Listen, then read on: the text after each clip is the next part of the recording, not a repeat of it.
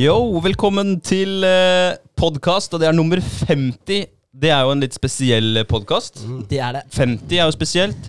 Eh, noe annet som er spesielt, er at vi har en gjest. eh, en gjest fra eh, ja, kameratgjengen på, i ungdomstida. Yes. Stemmer. Gottfred Kaupang. Halla. Halla. Eh, det som er litt kult, da, det er jo at vi har jo, ja, som André er inne på, eh, kompis fra ungdomstida. Ja. Eh, vi hang jo mye videregående, og derfra Det begynner faktisk å bli en del år siden, da. Det er en ti år siden, i hvert fall. Ja, det er jo mer òg, eller var ikke vi russ i 2012, da? Jo. Jo, ikke sant? Ja, ja det er jo ti, ti år siden. Typ. Ja. Det er 10-11-12 år siden. Ja. Ja, rundt der. Så det var fett. Vi eh, hang mye sammen. Du var jo egentlig alltid den derre litt sånn Du visste at hvis eh, Gotti var med på et eller annet, så visste du at det ble god stemning. Du var alltid den derre ja, men- De sier så fine ord. ja, ja, ja, men jeg kan ikke, Du var alltid den som på en måte Du, du dro opp stemninga. Det spilte ingen rolle om det var et vors eller hva det var. da Hvis det var eh, tre stykk, eller om det var ti stykk. Hvis vi var tre, og du var en av de tre, så da ble det god stemning der. Nei. Så du, du har en sånn sjuk egenskap til å dra med deg folk. Dritkult. Fint, fint å høre. Eh, så vi var jo veldig nært før du egentlig flytta også. Mm, mm. Eh, du var gjennom en litt eh, spesiell eh, opplevelse, kan man si, etter Mm. at du flytta til Oslo. Yes. Eh, du eh, Jeg fikk brått en melding av deg, egentlig. Da var jeg ute og jobba på Nexans. Jeg sparka kabel, husker jeg. Eh, og da sa du at du hadde Jeg husker ikke ordrett hva du sa, men det var et eller annet sånt, noe i den duren at du skulle i hvert fall døpes. Yes. Og lurte på om jeg kunne komme, eller ville komme i dåpen din. Ja. Eh, og da hadde du, jeg vet ikke hvordan jeg skal si det, blitt frelst, sett lyset, eller i hvert fall hatt en eh, religiøs opplevelse, Mhm. kan man si. Mhm. Og etter det så har ting kanskje forandra seg litt hos deg. Ja.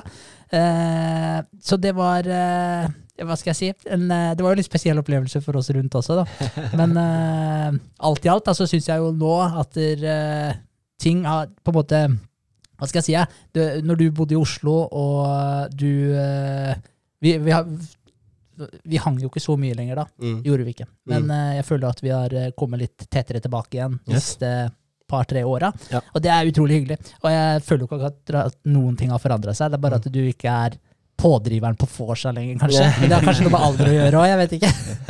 Så det er vel dritkult. Fett å ha deg her, og jeg håper vi kan dykke litt dypere i de temaene her i dag. Da. For det syns jeg er interessant, og jeg tror det er mange andre som syns det er uh, interessant å prate om òg.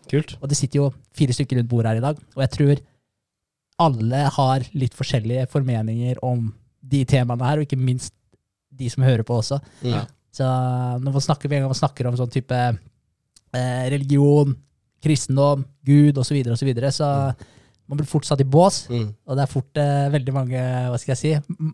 Alle har sin egen vri på ting, og det er det de projiserer ut på den de prater med. da, Så det er Ja. fort at det blir misforståelser. tror jeg det her. Så jeg håper da at vi kan dykke litt dypere i det, og, og komme litt til bunns i ja, litt hvordan du tenker om de tingene her. da, Kult. Hva som har skjedd siden det. Ja. Ja. Så jeg vet ikke, Har du lyst til å, å, å si litt eh, om Gi en tilbakemelding på introen. Ja, Ja. Liksom om, den, om den opplevelsen, eller liksom hva Ja, jeg vet ikke. Det Ja. var en ganske bred greie, da, men vi kan Ja. jo starte der, kanskje. Absolutt. Først og fremst, hjertelig takk for at jeg får lov til å være med på Ja. podkasten. Det var jo kjempehyggelig. Utrolig hyggelig. Kan jeg bare skyte inn der òg? Ja, ja. Fordi eh, jeg møtte Gisle på, på Rema 1000, Ja, ja. Og han sa det faktisk til meg. Han bare 'Dere må ha med Gotti på poden, da!' Det er en samtale jeg har lyst til å høre på. Og jeg bare, vet du hva, det er en samtale jeg har lyst til å ha. Så, så ja, så det var. Shout-out Ja, til Gisle. ja, ja, det var Vi må treffes snart, Gisle. Nei, det var sjukt kult at dere, du ville stille opp. Nei, men konge. Det Syns det var kult å få spørsmål om å være med også. Jeg har hørt litt på podkasten, og jeg syns kul greie, det dere holder på med i det hele tatt. Så Og så var det gøy å høre litt uh, din side av den uh, perioden der, når du fikk den meldinga om at det skulle døpes og sånn. Jeg vet ikke om jeg har snakka noe om den sida der uh, tidligere. Hvordan du opplevde det, eller dere opplevde det og sånn. Nei, altså det var jo Jeg kan jo si det var jo rart. Ja. Det er jo litt sånn der når du, du har jo et bilde av en person, og jeg har jo et bilde av deg. Ja. Og, og det er som jeg sier, altså du var jo du var jo litt pådriveren på, på festene, og, og du var liksom Det var mye energi. Mm, Høyt alkoholinntak. absolutt. Eh, jeg, det var ikke det at du hadde noe alkoholproblem, men det var ofte at det ble et par øl for mye på en fest, kanskje. Altså i anførselstegn for mye. Ja. Ja, ja. Eh, Sånn som var litt vanlig på den tida. 100% 100% Men igjen, da. eh, Det var liksom Så det var veldig rart når du da hører det med Ok, nå skal jeg døpes, på en måte, Mm. hva skal jeg si, starte litt om igjen. Ja. Eh, og det, det var veldig rart. Og det var u, u, hva skal jeg si, det er litt ukjent farvann. da, og det er Ja. sånn, ok, Hva skjer nå?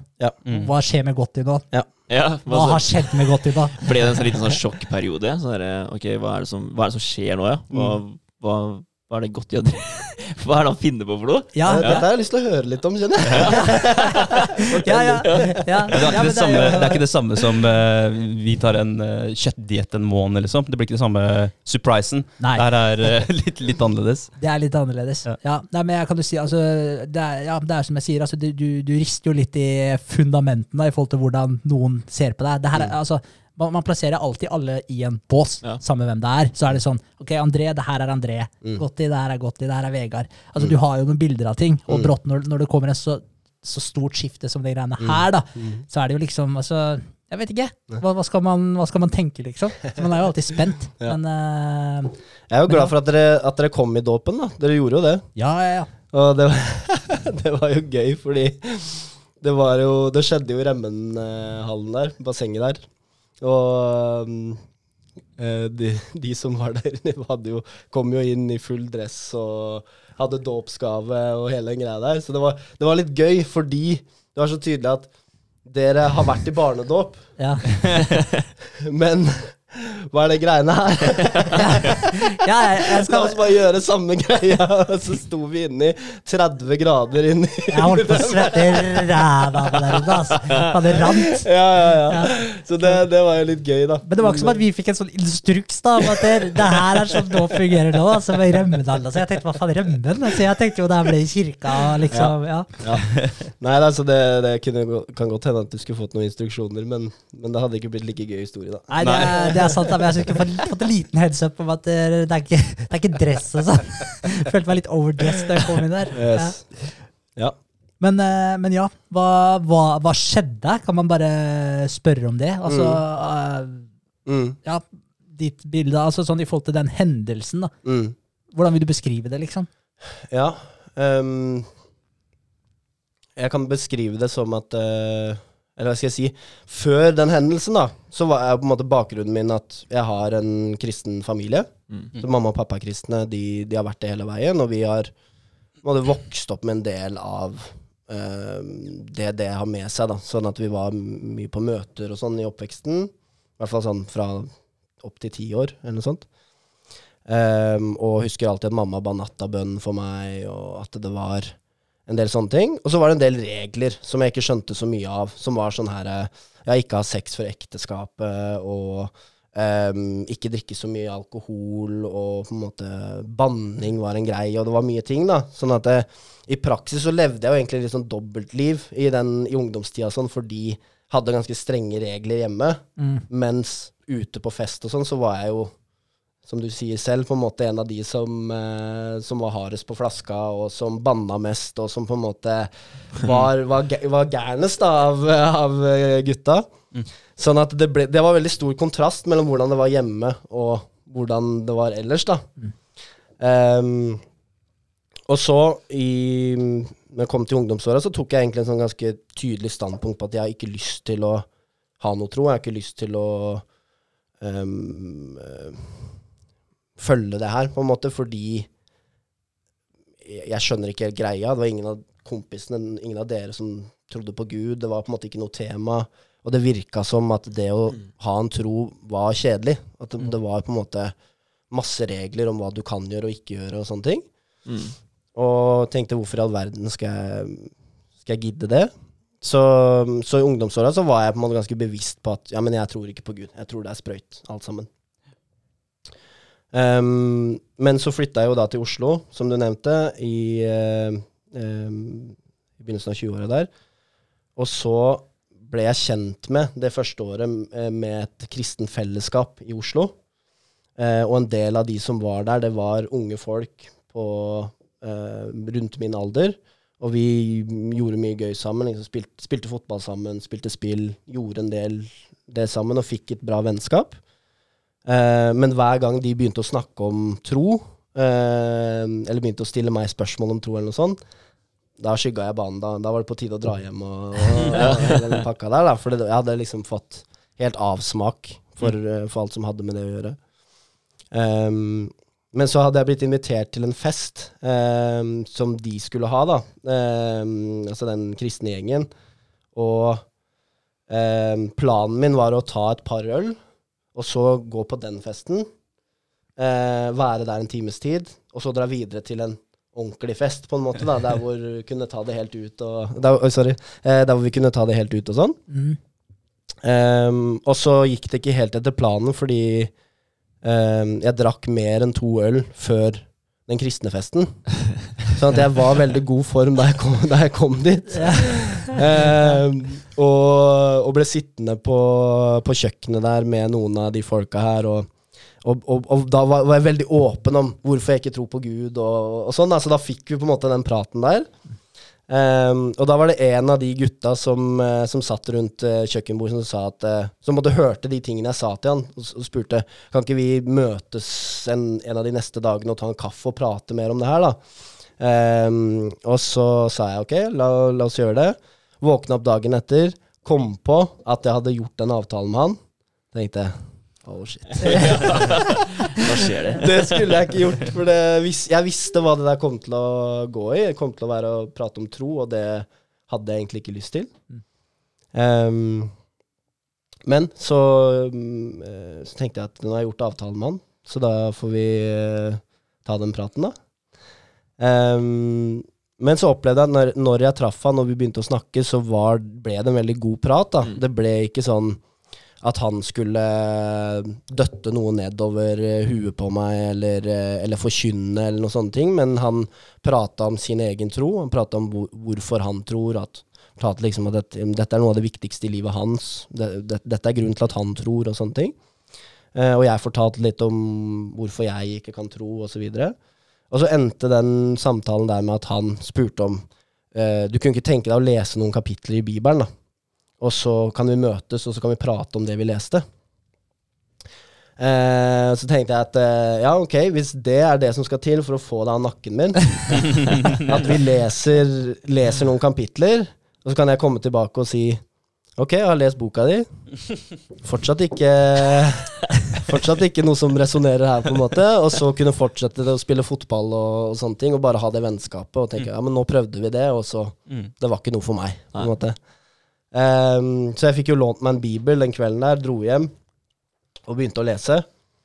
Um, og så opplevde jeg at mens jeg leste Bibelen, så var det ikke bare um, teori, eller, eller på en måte bare noe som gikk inn kognitivt, men jeg merka at det begynte å skje noe på innsida. Så det var et eller annet som begynte å bygge seg opp mens jeg, mens jeg eh, satt og leste. Og vi hadde jo en avtale om å lese fem kapitler, men jeg leste de fem. Og leste fem til og fem til, så jeg leste sånn 17 kapitler, fordi det var, bare, det var et eller annet som skjedde med meg mens jeg satt og leste. Eh, og når jeg kommer til kapittel 17 der, så, så bryter jeg ned, må legge fra meg Bibelen, er nede på gulvet, eh, opplever at Gud er i rommet der, at dette her er ikke bare noe som folk tror på bare for å ha et håp for fremtida, men det går faktisk an å få kontakt med han, da. Og at det var akkurat som om han var i rommet der. Ehm, satt på knærne og gråt og måtte ba om tilgivelse. Og det var en sånn ordentlig sterk opplevelse, da. Uh, så, så, så det var på en måte starten på det, hvor, jeg, hvor det på en måte åpna øynene mine for at oi, uh, Gud finnes faktisk. Det, her, det, er, det er noe mer i det her enn enn det jeg trodde det var, da. Um, ja, så du spurte om opplevelsen. Det var i hvert fall opple den opplevelsen jeg hadde til å begynne med, da. Ja. Mm. Og etter det her så var det på en måte Altså sjuk opplevelse, da, bare sånn Ja. først og fremst. Ja. Det, det hørtes jo eh, Hva skal jeg si? Ja. Det var ikke bare Sjukt ut. Ja, det hørtes Ja, gjorde er det. riktig ordet, sikkert. Ja. Men altså, en utrolig kul opplevelse, da. Og sikkert en skikkelig god opplevelse å få de følelsene der, da. Men uh, jeg klarer ikke helt å skjønne det Mm. sjøl. Det gjør jeg ikke. Mm. Men uh, ja, ikke at jeg ikke tror på det, selvfølgelig. Det er det ikke. Men eh, det blir nesten litt sånn for meg eh, er, er Bibelen en veiviser til en annen dimensjon, da, Mm. på en måte? Skjønner du? Ja, det er et godt spørsmål, det. Men etter det her så har det bare vært å på en måte prøve å finne ut litt hva skjedde den kvelden der, og prøve å integrere litt eh, den biten her med Mm. livet ditt, liksom, som, Mm. som det var, eller altså, altså Ja. Nei, noe av det som var greia, var jo at jeg hadde den opplevelsen der, og så dagen etter, så var jo på en måte Opplevelsen var historie, på en måte. Eller det var, den var borte og var tilbake i hverdagen. Og, så jeg hadde på en måte den opplevelsen i bakhuet, men fortsatte bare å, å leve livet som, som vanlig og feste og holde på med alle de tingene der. Mm. Um, men så skulle jo han, eh, kompisen min og jeg treffes for å prate om det her. Ehm, så da telte jeg veldig på knappene. Skal jeg fortelle han om den opplevelsen her? Skal jeg gi han vann på mølla, eller skal jeg, skal jeg på en måte holde det for meg sjæl? Så det, det var en uh, ordentlig sånn kamp om jeg skulle gjøre, si noe om det eller ikke. da indre konflikt. der. Indre konflikt Ja. der. Fordi jeg, fordi jeg hadde jo en feeling av at hvis det uh, Hvis jeg deler det, så, så får det noen konsekvenser, på en måte. da Ja, klart det. Eh, Det er i hvert fall må jeg innrømme at det er noe mer i det greiene her. Ehm, men eh, så når jeg traff han, så, så fortalte jeg da at jeg hadde opplevd det. Jeg tror jeg møtte Gud på rommet mitt. Eh, men hva, hva gjør jeg nå? Mm. Um, og så trodde jeg jo han kom til å si noe sånt ja, du kan jo tenne et lys, eller du kan liksom Gjøre noe veldig svevende, da. Eh, Et eller annet sånn der eh, vage greier. Men han visste jo hva han skulle si, eller hvordan han kunne hjelpe meg, fordi ehm, jeg, Han hadde en illustrasjon som hjalp meg veldig, da, hvor han vis, sa på en måte at noe av det du opplevde den kvelden, det var på en måte en smakebit på hva et liv med Gud kan være. Mm. Så det er på en måte når du ser traileren på en film, så, så på en måte så, så ser du noe av filmen, så må, men så må du ta det valget om skal du faktisk gå og se filmen. Ja. Så det han sa til meg, var at du på en måte Ja, du har opplevd noe med Gud. Du kan velge å bare gå videre i livet ditt, tenke det var en fet opplevelse, ferdig med saken, og, og that's it. Eller så går det an å gjøre det som det står i Bibelen, på en måte snu deg til han. Snu deg fra din egen måte å leve på. La han få lov til å være den som leder livet ditt. Og så en bit av det av å bli da døpt, og så bli fylt med, med kraft, da, med Guds kraft på innsiden til å leve et annerledes liv enn enn det jeg gjorde da. Ehm, og så tenkte jeg at det jeg opplevde på rommet mitt, det var såpass spesielt, det var såpass bra, at jeg vil i hvert fall gi det her en sjanse. Mm. Sånn at det verste som skjer, er at dette her ikke funker. At jeg hadde den opplevelsen, og så ble det ikke noe mer. Uh, og så har jeg tapt litt tid. Det beste som kan skje, er jo at den opplevelsen faktisk bare var en smakebit på et helt liv som er annerledes enn det livet jeg lev levde da, og som på en måte er et liv med, med kraft, et liv hvor det går an å ha kontakt med Gud og, og, og sånne ting. Så, så da tok jeg en bestemmelse den kvelden der om at eh, jeg ønsker å, å, å prøve det her ut ordentlig, da. Ja, kult, egentlig, den der beskrivelsen, eh, eller den analogien med, med film da, og Ja. trailere. Fordi det er, det er veldig mange som bare sitter der ute og ser på trailere, Mm. i overført betydning. da. At Mm. du begir deg ut på et prosjekt av prosjekt, eh, gå ned i vekt, prosjekt, bli sterkere, prosjekt, eh, Mm. starte en business, og så starter man, Mm. tar traileren, og så nei, Ja.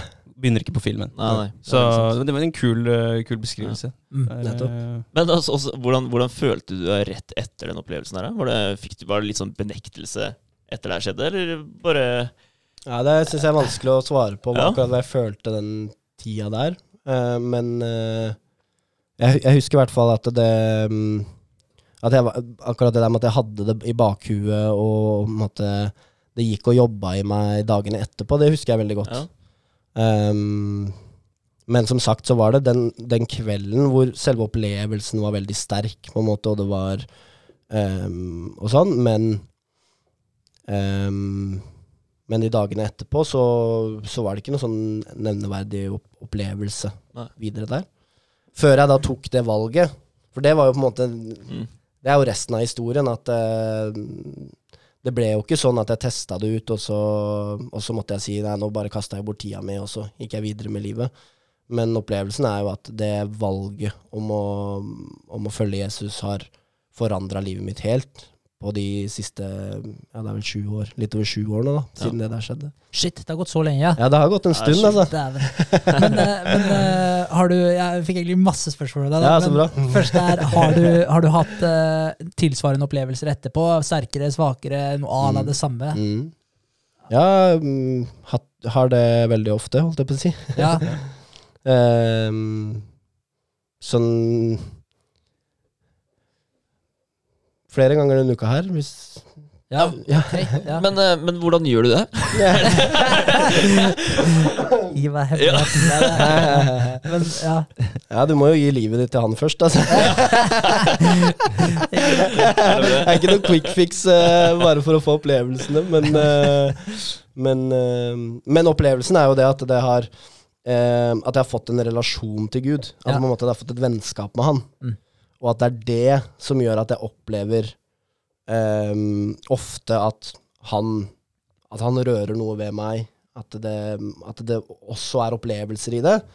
Men samtidig så er måte Så, så er ikke troa basert bare på hvor mange opplevelser kan jeg ha Nei. som er sterke, eller som er på en måte kule, da. Mm. Men, eh, men de er der, de også, og det er jeg veldig glad for. Ja. Uh, Men, men snakker du om type sånn her, Altså hvis du er uh, forelska, og du får den brusende følelsen, du kjenner nesten Mm. at det bruser i hjertet ditt. da mm, Alle har jo hatt den. Mm. Er, det, er det liksom type Hva skal jeg si? Er det litt på noe sånt Altså Er det sånn du kjenner det fysisk i kroppen sånn, eller altså hvordan Sånn eller er euforisk huet ditt? følelse, liksom. Ja, Mm. er det, er det liksom Ikke at det er det samme, det er ikke det jeg mener, da for det er jo åpenbart så har du en a- helt annen type relasjon her. da mm. Men er det liksom en sånn type fysisk følelse som det? ja, sånn det, al av, liksom? det kan være det. Ja.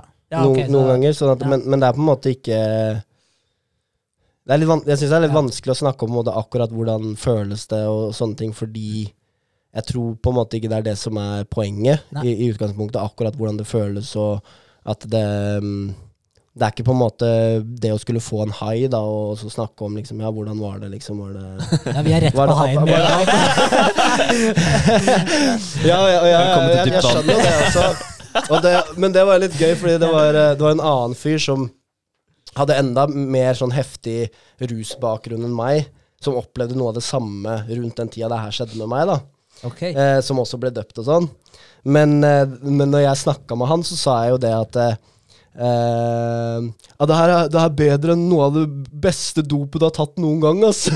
Liksom, så fokuset da var jo mye, mye på det, liksom, av opplevelsen og, og sånne ting. Ja. Eh, men eh, jeg vet ikke hvor mye til hjelp det er. Nei, nei, nei, fair enough. Fair enough. Men, men uh, altså det er så mange veier man kan gå her. Da. Men det er en ting som jeg er litt uh, nysgjerrig på, og det er liksom altså Hvis du ser på uh, hverdagen din, altså valga du tar osv., Ja. da hvordan er godt i nå, da? Mm, Etter kontra godt i hva før? mm. Altså, altså, hva er det på en måte Jeg skjønner jo at relasjonen din til det her har forandra seg, da, men, Mm. men hvilke, hvordan er det det påvirker valga du tar, Mm. retningen du søker? Mm. Skjønner, Ja, jeg, jeg skjønner, skjønner, skjønner godt spørsmålet. Um, så det jeg har lyst til å si rundt det, er på en måte det at Det er samme at det, opplevelsen i oppveksten var at det handla mye med regler på hva kan jeg gjøre, hva kan jeg ikke gjøre. Eh, og at jeg trodde det handla mye om det å være kristen handler om å bli, bli en bedre versjon av seg selv, eller på en måte være flink, eller, eller et eller annet sånt noe. Men det jeg har fått oppleve, og, og det, jeg, det som Bibelen egentlig snakker om i forhold til den, kristne troa, det handler ikke om å prøve sitt beste, være flink, alle de tingene der, men det handler faktisk om å bli forandra, la seg bli forandra på innsida. Og det er noe av det jeg har opplevd i stor grad, at eh, jeg har ikke tatt meg i nakken, jeg har ikke på en måte eh, blitt en flink kristen, eller, eller blitt liksom churchboy, eller et eller annet sånt noe, men jeg har opplevd at det er faktisk en kraft i det budskapet her, da. Sånn at Um, og, og at det er det som har fått lov til å bli forandra. Så en av de tingene som skjedde ganske fort, var jo at jeg gikk fra å være stort sett opptatt av bare meg selv og mine egne ting. Hva er det jeg skal gjøre? Det, hva, hvordan kan jeg få nytelse? Liksom alle de tingene der. Til å plutselig begynne å bry meg om andre mennesker. Ikke bare sånn ja, nå, nå har jeg blitt kristen, så nå må jeg begynne å bry meg om andre mennesker. Men at det faktisk skjedde noe med hjertet mitt da, på, på den tida der. Og det har, det har bare fortsatt og fortsatt. Så, så det er én ting, kanskje litt mer på en måte abstrakt enn for eksempel ehm, Jeg har blitt mye mer modig enn det jeg var før. Jeg var ganske feig før. Og noe av uh, grunnen til at jeg var en av de som drakk mest, Det handla mye om det. Ikke sant? Ja, At jeg var feig. Ja. Mm. Det handla om at fordi jeg, jeg drakk for å manne meg opp, på en måte. Det, det tror jeg gjelder ekstremt mange. Ja. Ja. Mm. Så, så, så bare det er, Det er en stor forandring som har skjedd, og enda større grad bare siste året, kanskje. At jeg har gått fra å være ganske feig på mange områder, til å på en måte på en måte legge det fra meg, gi det til Gud, om du vil. da. Og så har det begynt å skje noen ting på innsida som gjør at, at jeg har blitt mye mer moder. Mm. Ja, kult, men det, men det kan jeg ærlig talt si. Altså, Ja. Du har ikke hengt så forbanna mye, da, men jeg Ja. har merka på de gangene som vi faktisk har hengt, da, Mm. så har jeg merka at du har en annen eh, trygghet, du har en annen Mm. selvsikkerhet. Mm. Og, og, Så bra. Ja, ja, men det virker mer komfortabel, da. Ja. Så, det er, eh, så det er jo kult. Det ser man jo bare her også. Ja. Stille opp, sporty, Mm. trygg. Ja. Veldig flink til å snakke. Ja, takk. Ja, Mm. Absolutt. Mhm. Men, men det er en ting da, som er veldig sentralt, og det er Gud. Hva er definisjonen på Gud? For jeg tipper at vi sitter fire stykker rundt bordet her, og jeg tipper at alle fire har hver sin definisjon av hva Gud er. Ja, Mm. det tror jeg. Tipper jeg. Mm. Så André, Vegard, meg, skal vi ta en runde, eller? Og bare si uff. Det er et Det svært spørsmål. nå har jeg prata mye, så jeg Ja, ja, ja. Men jeg tenkte at det var sånn, fordi det er litt interessant å høre hvordan André ser på det, Ja. hvordan Vegard ser på det, hvordan Ja. jeg ser på det, og så hvordan du ser på det etterpå. Bare for å liksom Det er, eh, Ja, det er inter interessant, og det er, eh, det er et vanskelig spørsmål for en som ikke, er, eh, ikke har hatt åpenbaringen. Mm. Ikke har eh, dyppa tærne i- ned i, i Bibelen og, Mm. og, og lest noe særlig. Men vi, vi har jo snakka om det før, eh, for lenge siden, eh, og for bare noen uker siden. Eh, litt sånn vagt. Og det, jeg, prøve, jeg har prøvd å, å tenke litt mer på det siden den gang. Uh, og Kult. det jeg har uh, tenkt på, er vel at der, min eh, oppfattelse og mine tanker om Gud og religion har endra seg mye eh, de siste par åra. Og jeg, jeg vet ikke om det er modningsprosessen som har vært til hjelp, eller hva som har skjedd, egentlig. Men eh, jeg har en sånn et forhold Jeg har ikke et forhold til Gud, men jeg, har, jeg ser på Gud som noe som er veldig eh, vanskelig for meg å forstå. Så Mm. ting som jeg ikke klarer å forklare, og ting som kanskje ikke jeg har lært meg å, å Eller ikke har eh, kunnskap om, Mm. eh, som er litt, som du sa, da, abstrakt, eller eh, som har noe med det eksistensielle da, i, eh, i, eh, i verden og i livene våre. Mm. Det som er litt vagt for meg, det har jeg på en måte definert som en slags gud. Da. Mm. Det sånn, men det er kanskje fordi at jeg ikke har lest nok, da. Og det er kanskje ikke jeg har fått den, eh, fått den eh, kristne vennen da, som har eh, gitt meg de fem kapitlene, Mm. og ikke har vært i det samfunnet. Ikke har, Mm. det er min på en måte teori rundt det. At jeg ikke har hatt de eh, påvirkningene rundt meg. Eh, og eh, at alt egentlig er mulig, da. Eh, hvis man begynner å lese, at man kan få litt mer kunnskap om det og få et slags forhold til Gud. For akkurat nå så er Gud for meg, for André Holter, så er det eh, noe som er svevende. Eh, ting som eh, hodet her ikke klarer å, å forholde seg til, kanskje. Ja, ja. Eh, så hvis du tenker at der, datamaskinen har x antall eh, prosent prosessorkapasitet, så er det en ganske stor andel av det, det jeg ikke vet. Eh, det er liksom 20% som jeg kan 30% som jeg kan sette bort, Mm. og så Ja. bare pakke inn i Gud. Mm. Eh, og så er det vel Ja, det, det er vel egentlig det. At jeg ikke jeg Kan hende at det er fordi at jeg ikke vet nok. At jeg ikke har uh, dyppa i, i hodet mitt, eller ja, tatt i den, uh, tatt i den boka, da. Bare, bare vassa litt i vannet. Ja, ikke sant? Ja, Du ja. har ikke gått på dypt vann? Nei. Ikke dypt nok. nei. Ikke dypt nok. ja, men den er veldig vanskelig, da. Um, jeg jo tenker det, altså, hva er Gud for meg? Um, veldig usikker, men jeg har tenkt i siste at Gud, eh, Gud for meg det, Altså kanskje litt, litt følelsene, da. Følelsene mine. Altså eh, Eller følelser generelt, da. Fordi altså, Hvor er det følelsene kommer fra, da? Altså, Mm. hva, hvor er det det starter hen? For det er jo Som barn så, så opererer du bare ut ifra følelser. Ja. Ikke sant? Det er jo det første du starter med. Før du faktisk klarer å sette ord på ting. da Mm. Så Jeg vet ikke, litt den som forteller meg Altså litt samvittigheten min, da. Altså hva er det som forteller meg at det jeg gjør er rett eller galt, da. Mm. Uh, så jeg vet ikke. Kanskje man kan si at Gud er litt, eh, litt underbevissthet, kanskje. jeg vet ikke. Det er, jeg syns det er skikkelig vanskelig å sette fingeren på den. Mm. Eh, det blir jo litt som André sier òg, at uh, det er litt den du ikke klarer å helt uh, skjønne. Men eh, jeg tror vel til syvende og sist at det, det er litt holdningene mine, da. Mm. Ja, den som styrer meg, på en måte. Ja, hvis man kan si det sånn. For det er eh, Jeg tror absolutt ikke at Gud er en eh, person som sitter der oppe og Mm. styrer ting. Det tror jeg ikke. Nei. Nei. Jeg, ja, jeg kan uh, hoppe i det òg. altså, jeg starta å se på Jeg startet å se på mye av forelesningene til Jordan Peterson. Ja, stemmer det. Det må jeg jo ærlig innrømme at det, det forandra totalt synet mitt på ting. Og, Mm. og når det kommer til religion, kristendommen uh, etc. Jeg har alltid på en måte tenkt at jeg hva skal jeg si, er kristen, men jeg har aldri tenkt at jeg tror på Gud. Mm. Uh, og så hørte jeg på uh, en del av forelesningene hans, og han har en uh, serie, en sånn lektyreserie som heter eh, The Psychological Significance of the Bible Stories, eller noe sånt. Eller Biblical Stories. Ja, Mm. Ja, mye mulig. ja. Ja. Jeg, jeg mener det. The Psychological Significance of the Biblical Stories, tror jeg den, den heter.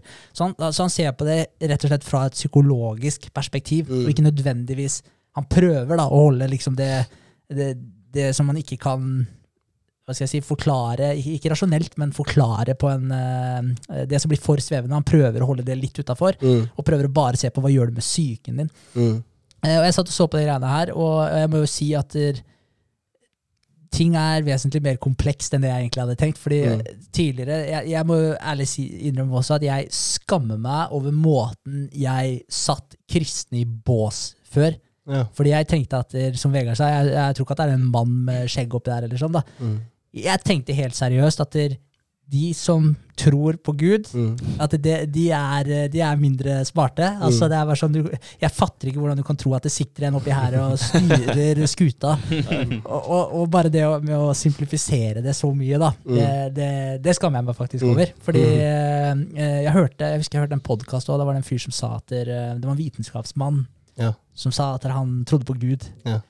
Og det bare, det, bare, det bare var sånn error i hodet mitt. Jeg bare sånn jeg skjønner ikke da hvordan han Jeg, jeg klarte ikke å, å forene de to. Nei. Hadde ikke peiling.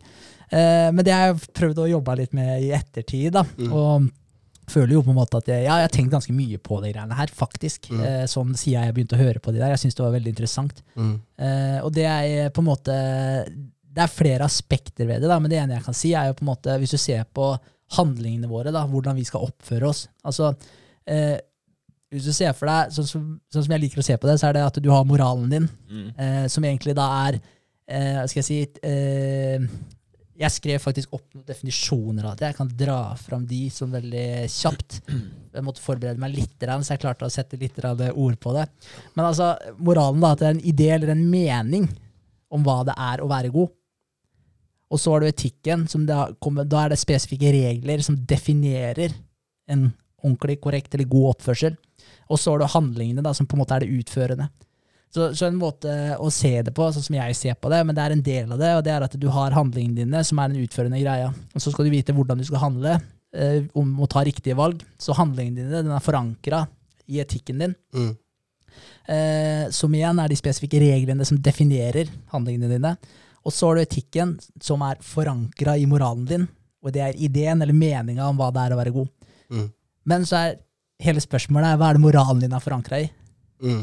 Eh, og det er et ganske interessant eh, spørsmål, fordi eh, de fleste eh, tror jeg ikke tenker over hva det er forankra i, men hvis ikke du har det forankra i noe, altså man kan se på det som at den, på en måte moralen din vil forankre seg i et eller annet, så enten så er, og vokser du opp da i et, eh, sånn som vi som vokser opp her i trygge Norge, med, så vi har jo på en måte en kristen kultur Mm. allerede her da, så moralen vår vil være veldig mye forma av den kristne kulturen, Mm. tror jeg. Så, så du trenger ikke nødvendigvis å ta stilling til det. Men det som er interessant, er hvis man eh, ser på f.eks. gulagene, i, i, altså arbeidsleirene i Sovjet Mm. under kommunismen. De som nekta å bikke, altså de som nekta å tyste på folk for å få, for å få litt ekstra mat osv., de som faktisk holdt ting intakt, det var de kristne. Mm. De, det var de som klarte å motstå presset. Og da snakker vi altså at du får 300 gram brød om dagen, liksom. Mm, mm. Og det er sånn du kunne få dobbelt så mye mat hvis du valgte å være en sånn stoolie da, som drev og tysta på de andre. Mm. De kristne det var de som ikke bikka, de som virkelig hadde en tro. da. Det samme ser du i Nazi-Tyskland. da.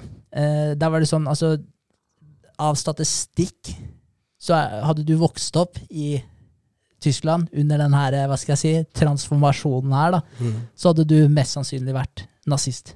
Selv om Mm. man ikke liker å tro det. Og det er ofte de religiøse, de troende, som klarer å holde seg på en riktig kurs. Og jeg tror det er fordi moralen deres er forankra i Gud, da. Mm.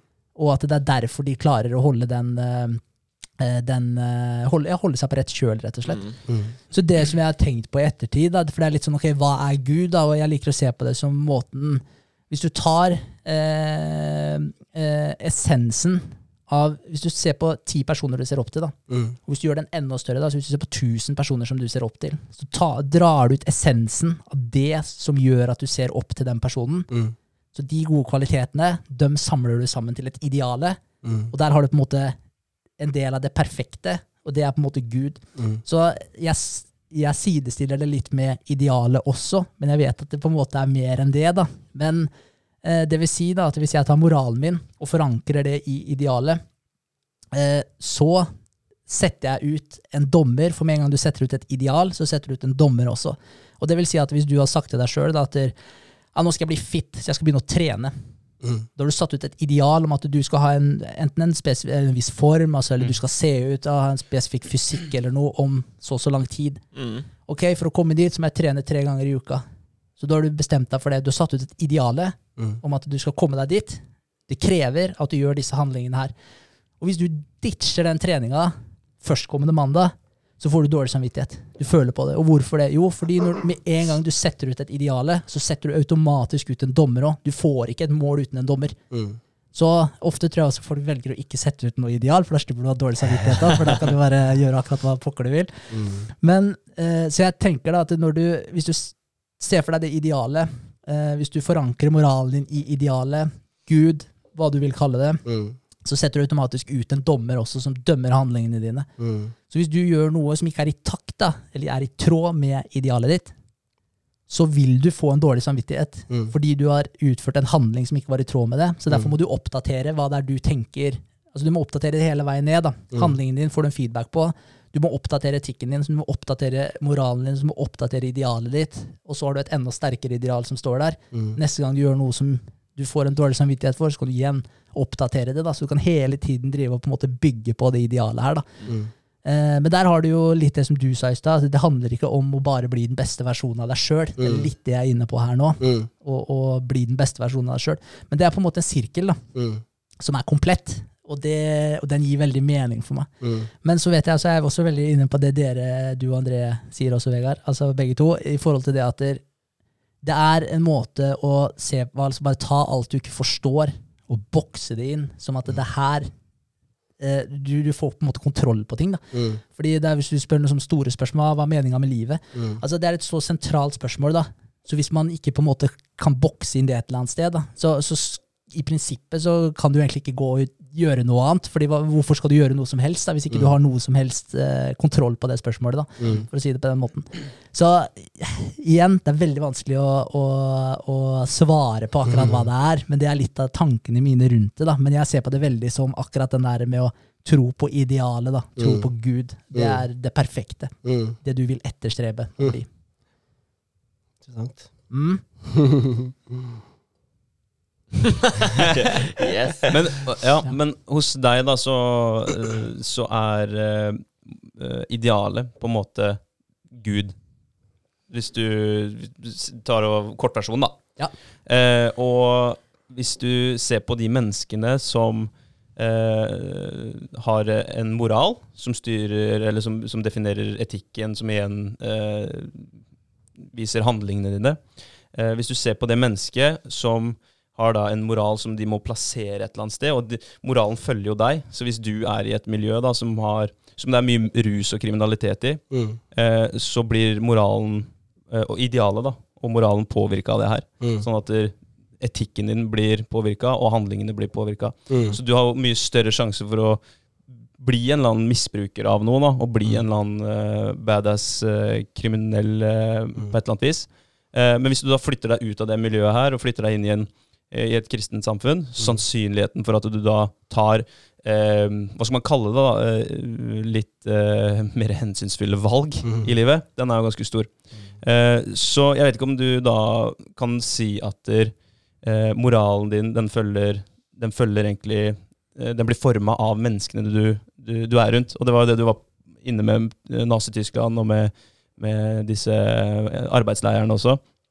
At du da eh, bør finne en, et, et eller annet samfunn som, som kan hjelpe deg til å uh, være et godt menneske, Mm. for å oppsummere det litt. Ja, jeg, jeg tror det er en hjelp, men det er jo igjen da, at du må jo på en måte til syvende og sist så må du jo finne det du forankrer det i sjøl. fordi hvis ikke du har den for deg sjøl, så vil Mm. jo du bare bli påvirka av de stedene du kommer. Og hvis du havner da i fuckings midten av Nazi-Tyskland, da, da har du ikke noe å stille opp med, da, for da blir du forma alle de rundt deg. Ja. Så, så du må jo på en måte finne et eller annet som du kan ha med deg rundt hele veien. da. Mm. Mm. Ja, hva er det som gjør at de som ikke Eller hva, hva er det som gjør at de kristne i Nazi-Tyskland ikke bukka under, da, hvis det var eh, Hvis det på en måte er eh, samfunnet rundt deg som definerer eh, moralen, eller Eller hva ja. du sa? Ja, ja for jeg tenker, altså, jeg tenker enkelt og greit at Mm. de har forankra moralen sin i noe som er utafor Ja. det greiene her. Ja. Ja, så, så, så det er sånn, det spiller ingen rolle om du kommer inn med eh, Mm. de her, eh, all propagandaen din osv., for de Mm. veit at det her, det her er ikke sant Mm. i forhold til de Mm. eh, hva skal jeg si, aks, aksiomene som de har satt ut. da. Mm. Så det, så det tror jeg. Ja. Ja. Og så er det jo litt sånn der elsk de neste og sånn, da. Ja. Ja, altså du skal ikke Du skal jo ikke tyste på noen andre, for da Åssen er den, da? Altså Gjør mot andre som vil at andre Ja, skal gjøre mot deg. stemmer. Gylne regelen. Ja. Mm. Ja, men, men det er jo altså, det er jo ikke noe å legge skjul på det, da, at det er jo ekstremt mye nyttig lærdom i den boka. Det er en Mm. grunn til at den boka her har overlevd eh, Mm. ja, kongedømmer, slott Mhm. og land. kriger og Ja, ja. Herredømmer så er det en bok som har overlevd. Så det er Ja. ikke noe tvil om at det her er verdifullt. Ja. Prøv å skrive en bok i dag som overlever i 2000 pluss år. Ja. Ja. Lykke til. Men, men så det er jo åpenbart er det noe med av, av, av verdi her. Ja. Men i forhold til det eh, liksom litt sånn vi ser på Gud, da. Ja. Eh, som jeg nevnte tidligere også, så skammer jeg meg litt over at jeg, jeg, jeg gjorde det så simpelt før. At jeg Mm. tenkte at alle kristne, de som tror på det Jeg satt alle i samme bås. Ja. Og jeg tror du har et massivt spekter av forskjellige Mm. definisjoner på ting innen der òg, fordi alle forstår ikke alt. Mm. Sånn er det bare. Mm. Men å sitte og tro at det bare er At de som tror på Gud, de tror på en fyr med skjegg som sitter oppe i skyene der et eller annet sted og styrer ting, Mm. det blir for enkelt. Ja, det tror jeg òg. Det blir for enkelt. Og så er det sånn som du sier, at det fins jo mange ordentlig glupe folk som tror på det her. Um, det finnes også masse dumme som gjør det, så det er på en måte Du har begge deler. Ja, ja, Sånn er det med det meste, da. ja. Så, Det er egentlig litt bra at eh, det ikke bare er ett eh, Eller én type mennesker. ja. For da Alle over 150 IQ tror på Gud. ja, Liksom. ja, Ja, Da har du ikke sjans. Jeg er ute. jeg òg. Men, eh, men ja, hva tenker du? Eh, om det dere sa? Ja, Spørsmålet liksom, hva er Gud? Hva er, hva er Gud for deg, Goti? Ja. Nei, altså, jeg tenker sånn som Jeg syns det var interessant det du sa med at du har det der idealet som er dømmende for eh, handlingene dine. Og jeg lurer på ehm, om du da tenker at det er ehm, Er det kun idealer som du setter ut selv? Eller fins det noen absolutte idealer? Fins det noen absolutte sannheter som, som er dømmende? Hvis, du, hvis du skjønner spørsmålet. Mm. Um, ja. Det er egentlig sånn spørsmål tilbake. Ja, ja jeg tror jo Jeg tror det fins det. Mm, Det tror jeg. jeg. Jeg kan ikke sitte og ramse opp alle her, men jeg veit jo at det, du, jeg skal ikke drepe noen. mm, Skjønner du hva jeg mener? Altså, Mm. Det er sånn 100 en greie, en regel på båndlinja, liksom. mm, det, det er ikke forenlig med et ideal, og det Mm. spiller ingen rolle hvilken tid du er i, eller med Mm. mindre du er i ja, krig, da. Faktisk. Ja, men å drepe for å drepe, da? Ja, nå må jeg, faen, Men hvor- men spørsmålet er- spole litt tilbake igjen, Hvor er det du har det Ja. idealet fra? Liksom? Hva er det som gjør at du tenker det? Jeg tenker at når du, øh, når du Ja, det med å drepe, eller bare generelt? Ja, det, det med å drepe, ja. for eksempel. Ja. Hva er det som gjør at du har det idea- idealet Nei, jeg der? bare tenkte at det er en fin regel, jeg, da. Ja. men, Men det er jo tid er da. Det er jo der du har Ja. fått inn den. Men altså, hvis du hadde hatt, hvis du setter deg i en syk situasjon da, hvor noen faktisk truer familien din på livet, og, og en av de eneste utveiene du har, det er å redde kona og drepe den motherfuckeren som står der, Mm. han, han går, for å si det Mm. sånn. Ja, Mm. ja, Da hadde det prinsippet der vika. Men Ja. sånn i utgangspunktet, da. Altså, det er jo noen som dreper for å drepe. Det er noen som Ja, men eh, altså Hva skal jeg si? Det ble en liten spiral, egentlig. Mm. Det er vanskelig å komme seg ut av. det er veldig vanskelig. Det spørs faktisk på settinga. Jeg må spole litt tilbake. Det spørs på settinga. Men jeg tror det er noen, på en måte, noen regler eh, som er forholdsvis tidløse. Mm. Men det er skummelt å skrive reglene helt i sten også, fordi tider forandrer seg. Mm. Og ting som tas som en selvfølge i dag, det var ikke en selvfølge for 100 år siden. Mm. Og motsatt. Mm. Eh, og det er sånn der eh, Når man ser eh, ting som noen sa for så og så lenge siden, og bla, bla, bla, jeg kan ikke tro at han sa det. Nei, nei, det er fordi du ikke lever for 300 år siden. Liksom. Derfor kan du ikke tro det. Hadde du stått Mm. ved siden av deg, så hadde du sikkert ikke reagert engang. Mm, mm. Så, så, så ting forandrer seg. Ja. Men det er det jeg tror også som er med det med å ha et ideale. Da. Det, Mm. det er levende. Så det oppdaterer seg hele tiden. mm. Så når jeg finner ut da, at liksom en ting er riktig, om jeg ser på en person for eksempel, da, som prater om et eller annet, Mm. eh, og så er det noe av det som på en måte resonnerer, og som jeg Mm. føler at er riktig, Mm. så kan du bake det inn i idealet. Og det er ikke en bevisst handling jeg gjør. Ah, tar jeg litt av det og setter inn der, og så videre. Altså, det her er jo bare noe som på en måte Mm. former seg etter hvert som tida går. Mm. Eh, tror jeg. Så, så jeg tror ikke det er så mange Jeg tror det er noen regler som kan nesten skrives i sten, Mm. men ikke 100 mm. Hvem er det som har laga de reglene?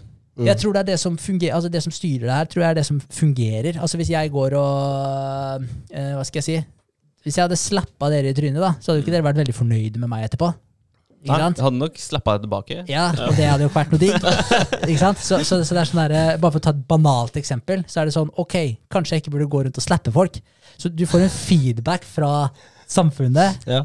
Og du får en feedback fra de rundt deg. Mm. Så hvis jeg har Altså hvis det ikke er noen personer her i verden som liker meg, så må jeg gå litt inn i meg sjøl. Kanskje det er noe jeg gjør som er feil. Så, så jeg føler at du hele tiden får en feedback da, Så idealet ditt om å bli likt er egentlig sterkere.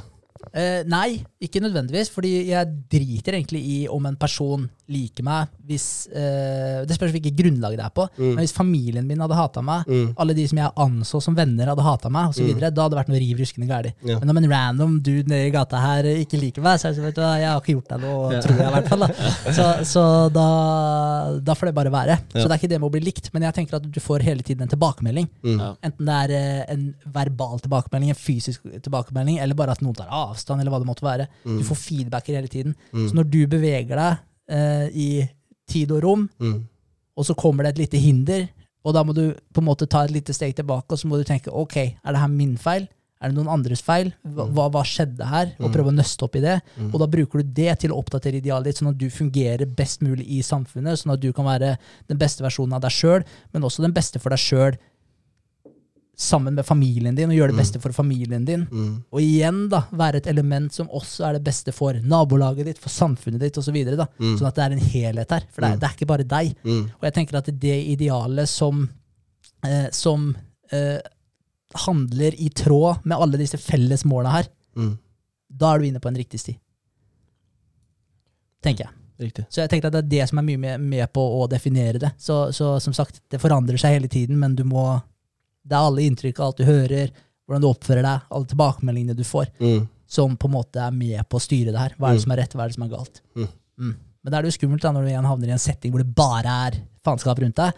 Så kan det selvfølgelig være vanskelig, men da får du håpe da, at du har funnet ut av en del ting på forhånd, sånn at du kan ta med deg det inn i en sånn setting, Ja. og være sterk. da. Ja. Mm. Men jeg tror jo at hvis du hadde blitt født inn i den settinga, Mm. da tror jeg det er, kan være fort kjørt for deg. Mm. Mm. tror jeg. Yes. Mm. Hvis jeg svarte på spørsmålet ditt. Ja, jeg vet ikke om jeg skjønte alt, men, eh, men i hvert fall eh, del, deler av det. Ja. Men eh, i forhold til det sp spørsmålet du stilte meg, da, med hvem er Gud og sånn, så syns jeg det var interessant med, med idealer, fordi jeg tror at, der, at Gud er den som har på en måte Som har um, som, har, som har et ideal, som har en standard for hvordan er det vi mennesker er ment å leve, hvordan er det vi er ment å oppføre oss, hva er det som er de verdiene, de prinsippene, de måte, alle, alle de tingene som, som vi skal leve etter, det har han en standard på. Men um, vi klarer ikke leve opp til den standarden. Mm. Ikke sant? Sånn at det, det, er, det er vårt store problem i verden, at Gud har en standard, men vi klarer ikke å, å, å leve opp til de tingene han egentlig ønsker. Mm. Og det, så, så, hvis, så hvis du leser Bibelen, hele Gamle Testamentet, så er det storyen, da. At uh, Gud har utvalgt seg et folk, og så uh, vil han at de skal på en måte vise resten av verden dette er sånn Gud er, dette er sånn hans folk lever på. Hvis du, hvis du følger Gud, så, så ser det sånn ut som det her. Og de prøver igjen og igjen og igjen, og igjen men de bare feiler. De, de klarer ikke leve opp til standarden, de klarer ikke leve opp til moralen, eller, eller noen av de tingene. Og på, hele poenget i historien her er å vise at det er ikke um, Det er ikke det at vi på en måte ikke klarer å um, Eller det at vi ikke klarer å leve opp til den standarden. Det er på en måte et problem med hjertet vårt. Det handler ikke om um, noe annet enn det, men det handler om at det må skje noe her for at vi skal kunne leve opp til Guds standard. Det må skje for den forandringa som jeg snakka om i stad. Det er det som må skje. Fordi det er ingen som klarer å eh, følge alle de reglene da, eller budene som Gud har gitt. Som er bra, som er hans standard. Men i vår egen kraft, i å prøve å være flinke, så får vi det ikke til. Og noe av grunnen til det er eh, Dere kjenner historien om Adam og Eva og, og hele der Ja. Noe av det som skjedde der, var jo det at ok, planen var at de skulle leve i harmoni, i fellesskap, sammen med Gud hele veien. Men så har, de, så har Gud sagt én ting, at ikke spis av treet, for da kommer dere til å dø. Og så vet vi at de spiser av treet. Og det er det som på en måte har skapt det her problemet med hjertene våre. Fordi vi har snudd oss og gått vår egen vei. Vi har tenkt ja, men vi vet best, vi trenger ikke Gud, vi trenger ikke Han i livet. Vi, vi gikk vår egen vei. Og derfor så er det på en måte et skille mellom han og oss. da. Sånn at vi holder på med vår egen greie, prøver å finne vår egen moral, hold, prøver å finne ut hva som er rett og galt, alle hver for seg. Men han har en annen standard som vi ikke klarer å leve opp til uansett hvor mye vi prøver. Og det er det som er på en måte hovedbudskapet i Bibelen. Da. Hovedpoenget er nettopp det her at vi er skilt fra Gud på grunn av eh, på grunn av det her at vi har prøvd å gå vår egen vei, på grunn av at, at vi, vi snudde ryggen til han. Og vi kommer ikke tilbake uten at det er noen som tar straffen for det vi har gjort gærent. ikke sant? Det at vi har snudd ryggen, det kan ikke, det kan ikke vi gjøre noe med, men det er derfor Jesus kommer inn i bildet. ikke sant? Fordi Gud fortsatt elsker menneskene, han ønsker fortsatt å ha fellesskap med dem. Så sender han Jesus, som lever et perfekt liv, uten synd, uten å på en måte skulle være Gud i, i, selv, men lever som et menneske, dør på korset, blir reist opp igjen, og er, eh, er på en måte mm, sjef da, over universet sammen med Gud nå. Det er på en måte den kjernen i, i budskapet i Bibelen. Og noe av det handler rett og slett om at Gud har en standard som vi ikke klarer å leve opp til, men på grunn av Jesus så kan vi faktisk få den relasjonen med Gud likevel, selv om vi ikke klarer å leve opp til standarden.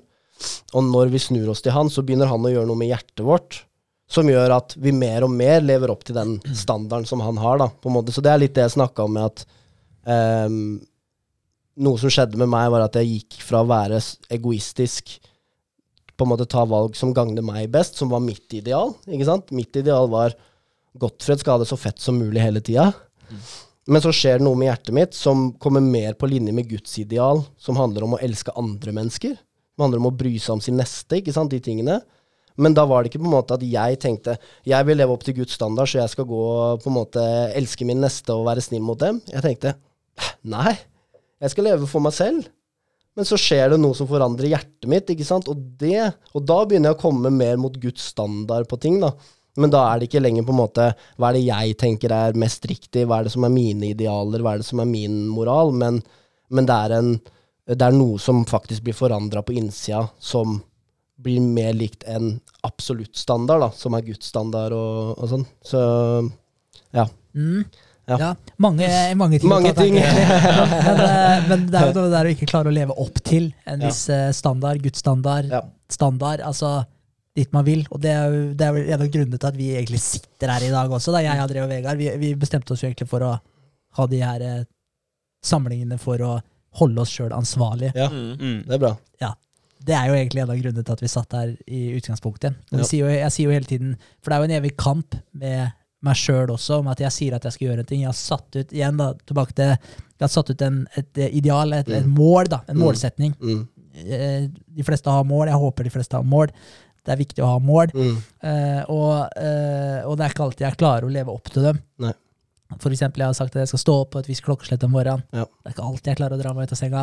Altså, det, er en, det er jo en evig, evig kamp med de, med de tinga her. Mm. Er det jo. Mm. Så du satte ut uh, to dommere som sitter på andre sida av bordet hver mandag. Yes. Det blir jo litt sånn. Litt sånn. Ja, Ja. Ja da, men eh, jeg, jeg, er med på, jeg er med på den. Ja, Den er fin, den. ja, ja, ja. Jeg er litt Men- med på den. Men, eh, men eh, et spørsmål jeg har, da. Altså, nå spør jeg mye, da. Jeg vet, det får kjør dere. på. Men, Ja. men eh, eh, jeg lurer på, når du snakker om For jeg, for jeg er egentlig helt med deg på storyen. Mm. Uh, sånn Adam og Eva Mm. tar det valget, Mm. blir skilt fra Gud osv. Mm. Men er det her for deg er det her en hendelse som har skjedd, eller Mm. står den beskrevet fordi den forklarer et prinsipp? Fordi Mm. prinsippet er jeg 100% enig i, Mm. men i mitt hode så, så, så har ikke Gud sagt det her til Adam og Eva. At de ikke, altså Edens hage, det er, Mm. for meg er det et symbol som Mm. forklarer et eller annet. Mm. Det er ikke en faktisk hendelse som har skjedd. Edens hage er ikke et faktisk sted som har vært. Hva tenker du med det? Nei, jeg, jeg tenker at det, det er helt fint å ikke henge seg opp i det. Fordi det er ikke det som er på en måte essensen av budskapet, da. Det, Nei. det, det, er jeg helt enig i. For budskapet er jeg 100% enig i. Det Ja. er det. Ja. Ja. Eller i hvert fall 90 det, er ikke, det kan være et par ting jeg ikke er 100 enig i, men, men altså sånn budskapet er jeg enig i. Ja. Er det. For, for bare å si det med dommer også, da, du, bru- siden du bruker det ordet med at ok, du setter ut to dommere, eller de idealene dine er en dommer. I den historien her så er det jo Gud som er dommer, Mm. og han har på en måte sagt noe at ehm, hvis dere på en måte går deres egen vei, snur, snur dere bort fra meg Det, det er jo det det i prinsippet handler om med det treet, at de, de går sin egen vei, på en Mm. måte. Ehm, hvis dere gjør det, så skal dere sannelig dø, står det. Og så eh, gjør de det jo. Og så ville jo ikke vi tenkt at en god dommer hvis, hvis han hadde sett mellom fingrene på det, da, sagt at ok, dere gikk deres egen vei, men greit, jeg skal være snill mot dere. Vi ville jo ikke tenkt at det var en god dommer. Du vil ikke ha en dommer som bare ser mellom fingrene på ting. Du vil ha en dommer som, som har sagt, la, satt ut en lov, og så følger opp. ikke sant? Du vil jo ikke at André og Vegard skal Hvis du ikke gjør det du har sagt, og sier nei, men det går bra, Berger. Mm. Dårlig Det, dommer. det, det er dårlig dommer, fordi du kommer ikke dit hvor, hvor du egentlig vil, og, og hensikten med dommerne blir Det er ikke noe vits å ha de, fordi de, de gjør ikke jobben sin. Ikke? Men samtidig så er det viktig å gi, eh, gi noen en ny sjanse, da. Ja. Og det er vel der Jesus Det er kommer inn. Nettopp. Det er akkurat det. Fordi det er jo den sjansen. Sånn at det her, historien her er jo egentlig helt utrolig, fordi du kan jo se for deg at du har fått en Si at du har fått en bot, da, og har ikke betalt boten din, som gjør at du til slutt må, må til retten. Mm. Og så står du der, og så sier dommeren til deg Du har ikke betalt bota di, og det har faktisk gått så langt nå at du blir dømt til døden. Si at det hadde vært så alvorlig, da. Ja. Si at det hadde vært så alvorlig. Og du blir helt fortvila, skjønner ikke hva i all verden skal jeg gjøre med det her. Det, var, det, det, det kan jo ikke være så ille, det jeg gjorde, liksom. Men det er, det er dommen. Og så kommer det en mann inn som steller seg ved siden av deg, og så sier han Det her var ikke bra. Nei, jeg skjønner ikke hva som skjedde. Jeg visste ikke at det var dødsstraff for de greiene her og sånn. Nei, men, eh, men det er det. Og du skal i døden. Men så tar han mannen, og så sier han Jeg skal ta plassen din. Jeg skal ta den dødsstraffen for deg, og du får lov til å gå fri. Og det er i praksis det Jesus gjorde, at han, at han sier til oss at dere har egentlig en, en dom på dere. Dere har egentlig en, en straff som, som dere må ta. Men fordi jeg elsker dere, fordi jeg ønsker det beste for dere, så skal jeg ta straffen for dere. Jeg skal ikke se mellom fingra på straffen. Den, må, den er der. Den må, noen må ta den, men jeg skal ta den for deg. Mm. Det er det han gjør, og det er det, er det budskapet der som, som er måte, essensen av det kristne budskapet, som handler om å ta imot Mm. det han har gjort. Ikke ta seg sammen, ikke være flink, men, men faktisk ta imot. Det er jo derfor det heter frelse, ikke sant? fordi han frelser deg faktisk fra noe som du En straff som egentlig lå på deg, da. Mm. Så ja.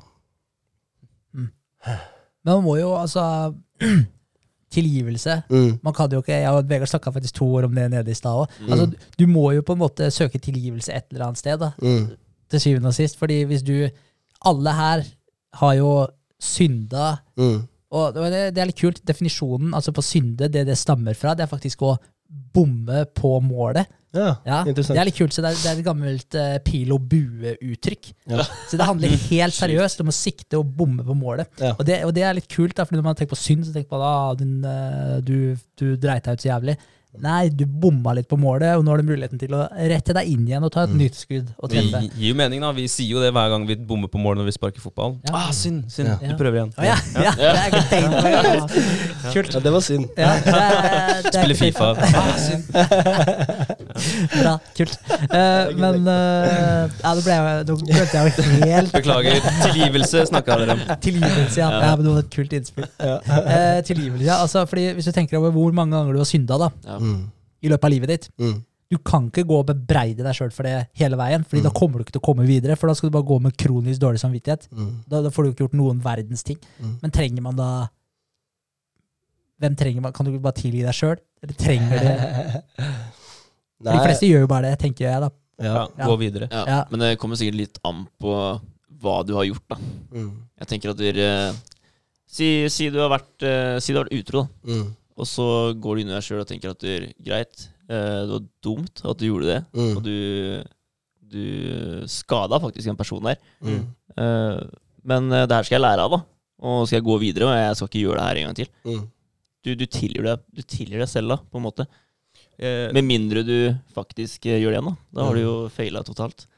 Men er det, er det derfor eh, Eller nå er ikke, har ikke jeg noe fasit på det her, ja, men jeg har jo tenkt mye på det. Det er veldig mange som Kanskje ikke akkurat utroskap som jeg har hørt om, da, men sånn type synder som at man er alkoholiker, da. Alkoholisme. Eh, da er man jo som regel veldig langt nede. Mm. Og det man gjør, det påvirker veldig mange andres liv. Mm. Eh, både emosjonelt og kanskje økonomisk, og, og ja, mange andre blir berørt. Da. Og da, det, veldig mange finner jo eh, Jesus, eller tilgivelse i Jesus, eller, Mm. eller Gud. Da. Jeg, jeg, jeg vet ikke hvem man skal Eller hvem de finner tilgivelse hos, om det er Jesus eller Gud. Hvem skal man spørre? Begge, kanskje? Ja. Hvem er riktig? Det er aldri feil å spørre begge, kanskje. men eh, men eh, det, jeg vet ikke om dere har samme oppfattelse, at det er veldig mange som uh, går den veien. da. Når man har vært veldig langt nede, om det er utroskap eller alkoholisme eller Mm.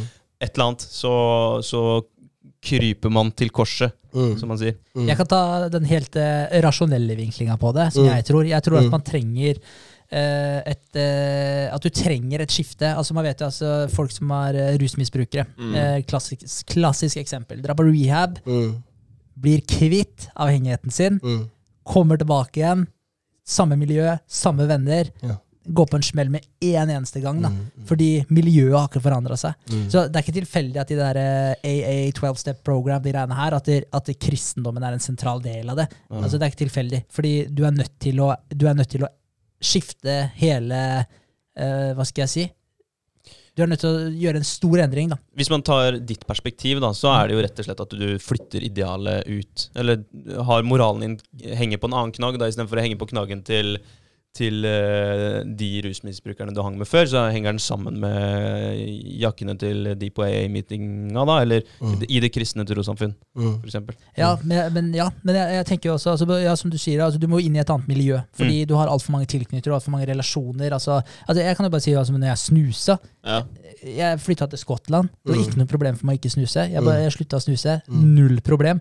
Kommer tilbake en tur til uh, Halden, Mm. sitter oppe på garasjen, har besøk av et uh, par kamerater.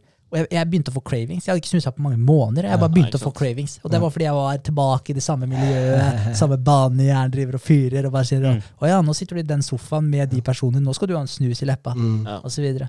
Men, eh, men eh, ja, jeg vet ikke. Så jeg, jeg tror jo at for å komme seg ut av et sånt mønster, så er du, du er nødt til å ta og skifte Jeg finner ikke riktig ordet, men du må i hvert fall Ja. Ja. Du må Ja, skifte men- miljø. Men jeg, men jeg føler Ja, at det, men- det kan være en enkel utvei da, for Mm. veldig mange. Mm. Som eh, hvis du er alkoholiker, da, uh, rusmisbruker. Så, så jeg, altså ikke alle, men jeg, jeg bare tenker at det, jeg, jeg, jeg kan kanskje se på det som en litt enkel utvei for mange å bare Mm. si at der, eh, nå, nå er jeg fri av avhengigheten, Yes. og jeg fant uh, Gud, da. Mm. At de bare Jeg vet ikke. Altså, jeg, jeg føler ikke at du har funnet Gud da. Det er Bra at du ja. sier det. Det er Får litt eh, temperatur i samtalen her òg, Men eh, jeg jobba jo på mm, sånn kristen rusinstitusjon i noen år nå. Um, og jeg er egentlig helt enig med deg. At jeg, jeg tror at en del på en måte kan, kan se på det som en sånn quick fix, på en måte. At eh, ja, men nå fant jeg Gud, liksom, og så, så ser du ikke noe forandring i livet deres. Så er det tilbake til det samme gamle og sånn. Ikke sant? Mm. Det er ikke det jeg snakker om. Det er ikke mm, du, du, på en måte Du kan si at du tror på Gud, men ingenting forandrer seg, og da er det noe som skurrer, spør du meg. At uh, det, det må skje en forandring hvis du, hvis du mener at det her stemmer. Og, mm, og for min del så har det skjedd en forandring i Ja. livet mitt. ikke sant? Det, ikke, det handler ikke for meg bare om at jeg har endra miljø eller sånne ting. Og jeg kunne jo fint komme tilbake til eh, til gammelt miljø uten å på en måte mm, gjøre alt jeg gjorde før, på en måte. Eh, hvis, hvis du skjønner hva jeg mener, da. Så, så jeg, jeg tror at det finnes noe ekte her. Jeg tror at det finnes en, um, en kraft til å få forandra livet sitt, som ikke bare handler om at du endrer miljø, eller at du tar deg nakken, eller sånne ting. Eh, men så tror jeg også at en del på en måte opplever at det ikke eh, er noe kraft i det. Opplever at de, på en måte, de tok et valg, men så skjedde det ingenting. Nei. Ehm, og det er jo trist, da. Ja. Mm. Men, men føler du på en måte at du, eh, du måtte eh, bryte ned grunnmuren da, Mm. som du har hatt i livet, Ja, for å bygge opp en uh, ny, stødigere ja, grunnmur? ja, ja, og jeg tenk, det, det tenker jeg skjedde. Og mm, ja, det- ja, det skjedde uten at jeg på en måte hadde tenkt noe på det selv, at det må gjøres. Ja. Så er det noe av det som begynte å skje.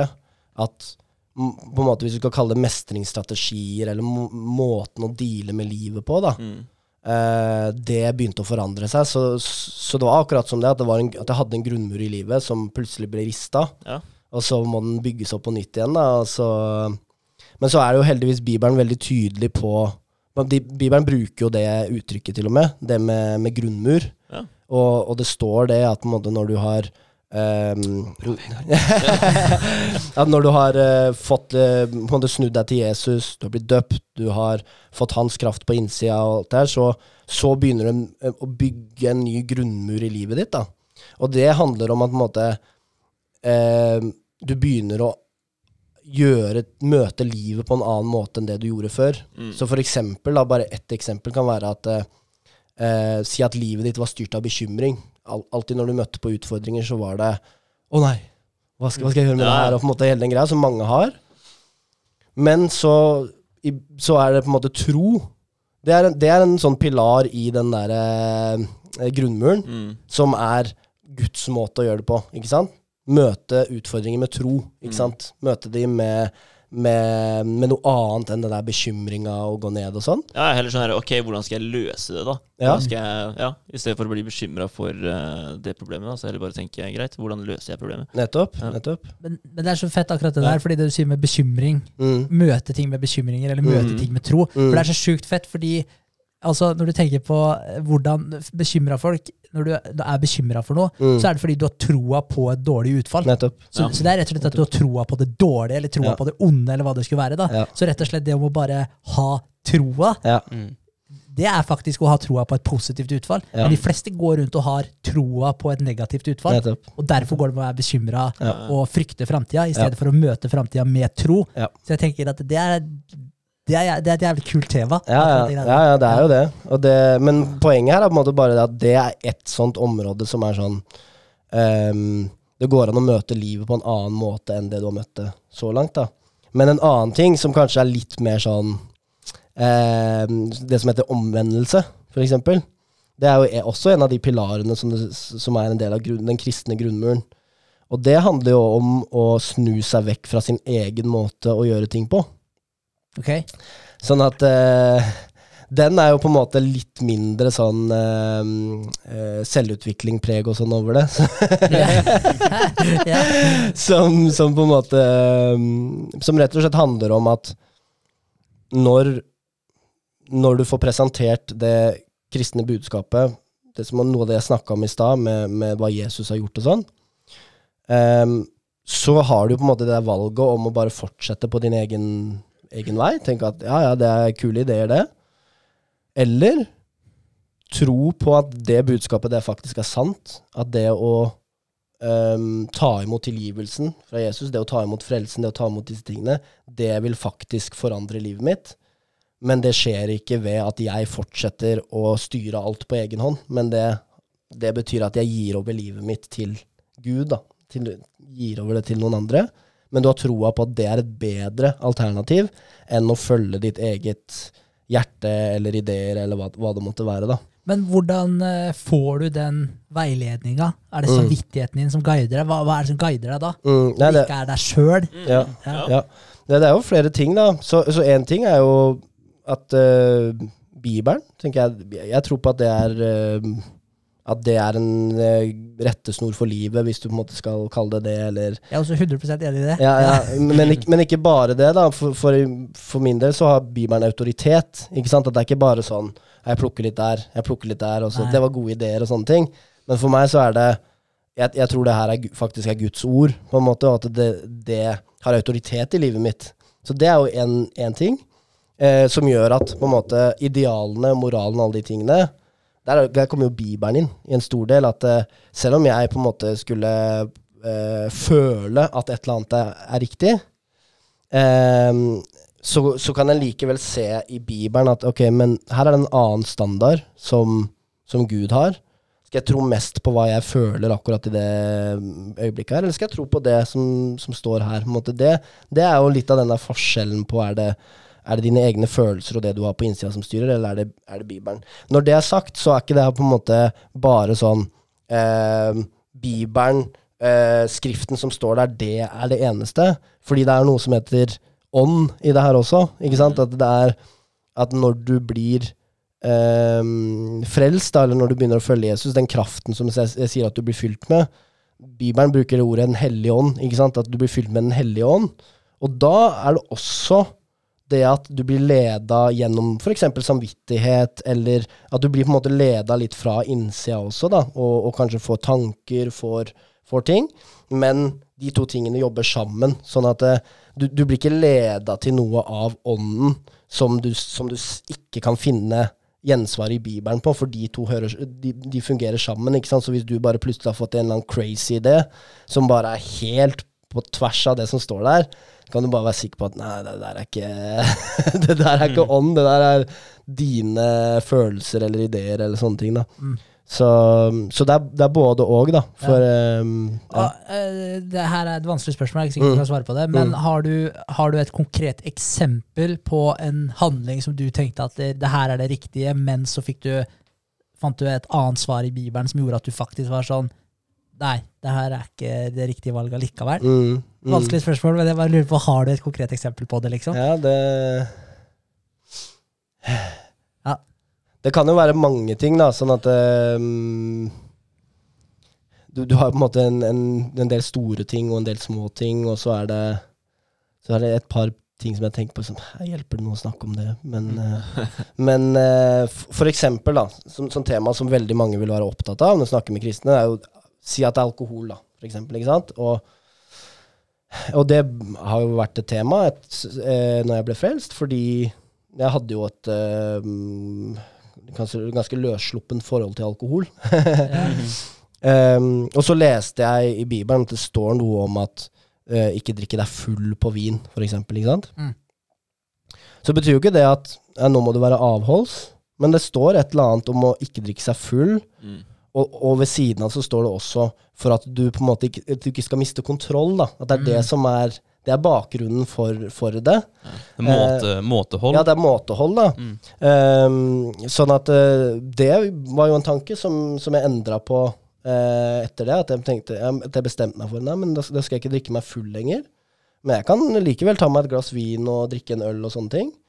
Jeg gjorde ikke det det første året etter at jeg hadde den opplevelsen her, rett og slett fordi jeg tror ikke jeg kunne på en måte gått på fest og klart å holde meg og ikke drikke meg drita, på en måte. Nei. Så det var en praktisk uh, greie der, da. Praktisk tilnærming. praktisk tilnærming der, men, eh, men nå så er på en måte forholdet mitt at jeg kan drikke alkohol, men drikke meg ikke full, da. Så, men kan ha det like gøy på fest samtidig, ikke sant. Fordi det er også noe av det som har skjedd, at jeg har blitt mye friere til å på en måte være til stede, være, ha energi, få opp stemning, alle de tingene, uten å drikke.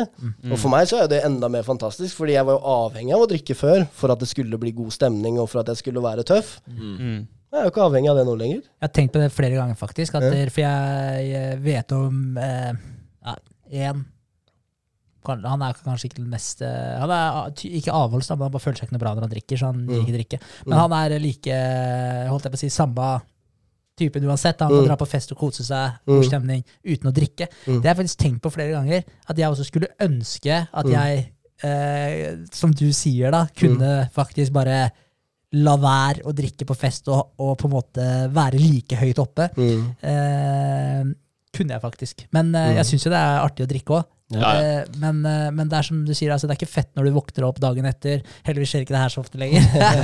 men når du våkner opp dagen etter og du har noen sorte hull i, i Mm. hukommelsen Mm. Altså den fysiske formen nå, da. ja, ja, ja, Ikke for å snakke om den, da. Men jeg tenker bare sånn psykologisk. Da. Det er ikke fett å våkne opp og bare være sånn Ok, hva faen gjorde jeg i Mm. de tre siste timene i går? Mm, Du har ikke mm, peiling. Mm. Du har ikke peiling, liksom. Du bare stoler på deg sjøl etter det, ja, ja, men jeg er jo oppegående, så jeg har sikkert ikke gjort noe så sjukt. Men altså, men Jeg er god i hva jeg mener, da. bunn, liksom. Ja, den derre fylleangsten kommer, da. Men, Det er jo fucka å sette seg i den situasjonen. ja, men et spørsmål, da. Det er ikke sånn at der, Fordi du snakker om, om Bibelen som Mm. en uh, rettesnor. Mm. Og jeg er også litt med på den, fordi at det er ord som har overlevd Mm. eh, siden tidenes morgen. Mm. Men det er ikke sånn at du eh, Fordi du snakka om følelsene, at Mm. du, innimellom ikke lar deg styre av de fordi eh, man må følge det som står i Bibelen. Mm. Men er det daglig at du du, blakker, du bruker det ikke som sånn her, eh, opp, ordbok? Oppslagsbok? At ah, 'Hva sto det her igjen?' Nei, nei, altså jeg leser Bibelen Vet ikke om jeg skal skryte på meg og si at det er hver dag, men, Ja, ja. eh, men i hvert fall ofte, da. Ja. Og ønsker det mer og mer. Men,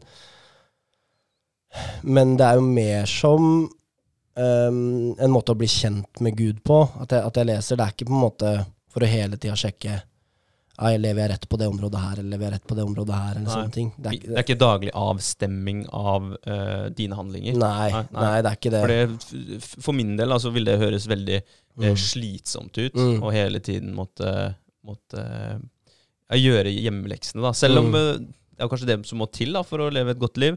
Eh, vi gjør jo det på sett og vis når vi skal forberede dagen etterpå og skrive ned Mm. eh, the power plan da, på ting man skal få gjort dagen etter. Og, Så Mm. gjør du noe, en form for hjemmelekser. Mm. Eh, men når man skal ta, inkludere det i tillegg i livet sitt for Mm. hver eneste action man tar, da, Mm. eh, så høres det veldig krevende ut. Mm. Men eh, Men, men bare et sånt eksempel som for eksempel Mange av tingene kjenner jeg, vet jeg jo om. På en måte Mm. Hva er det Bibelen mener om disse tingene her? Mm.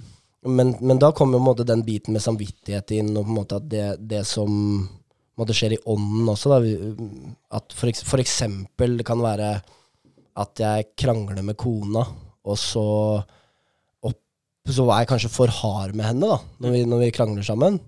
Og da kan jeg oppleve det etterpå, at jeg på en måte kjenner at ok, nei, der, der var jeg for tøff med henne, liksom. Det, det der skulle jeg ikke gjort. Ja. Og jeg da går tilbake til henne om å be om tilgivelse for det, ikke sant. Ehm, og det er jo fordi jeg veit Det står jo noe i Bibelen om å ikke være for hard mot kona si og sånne ting. Ja.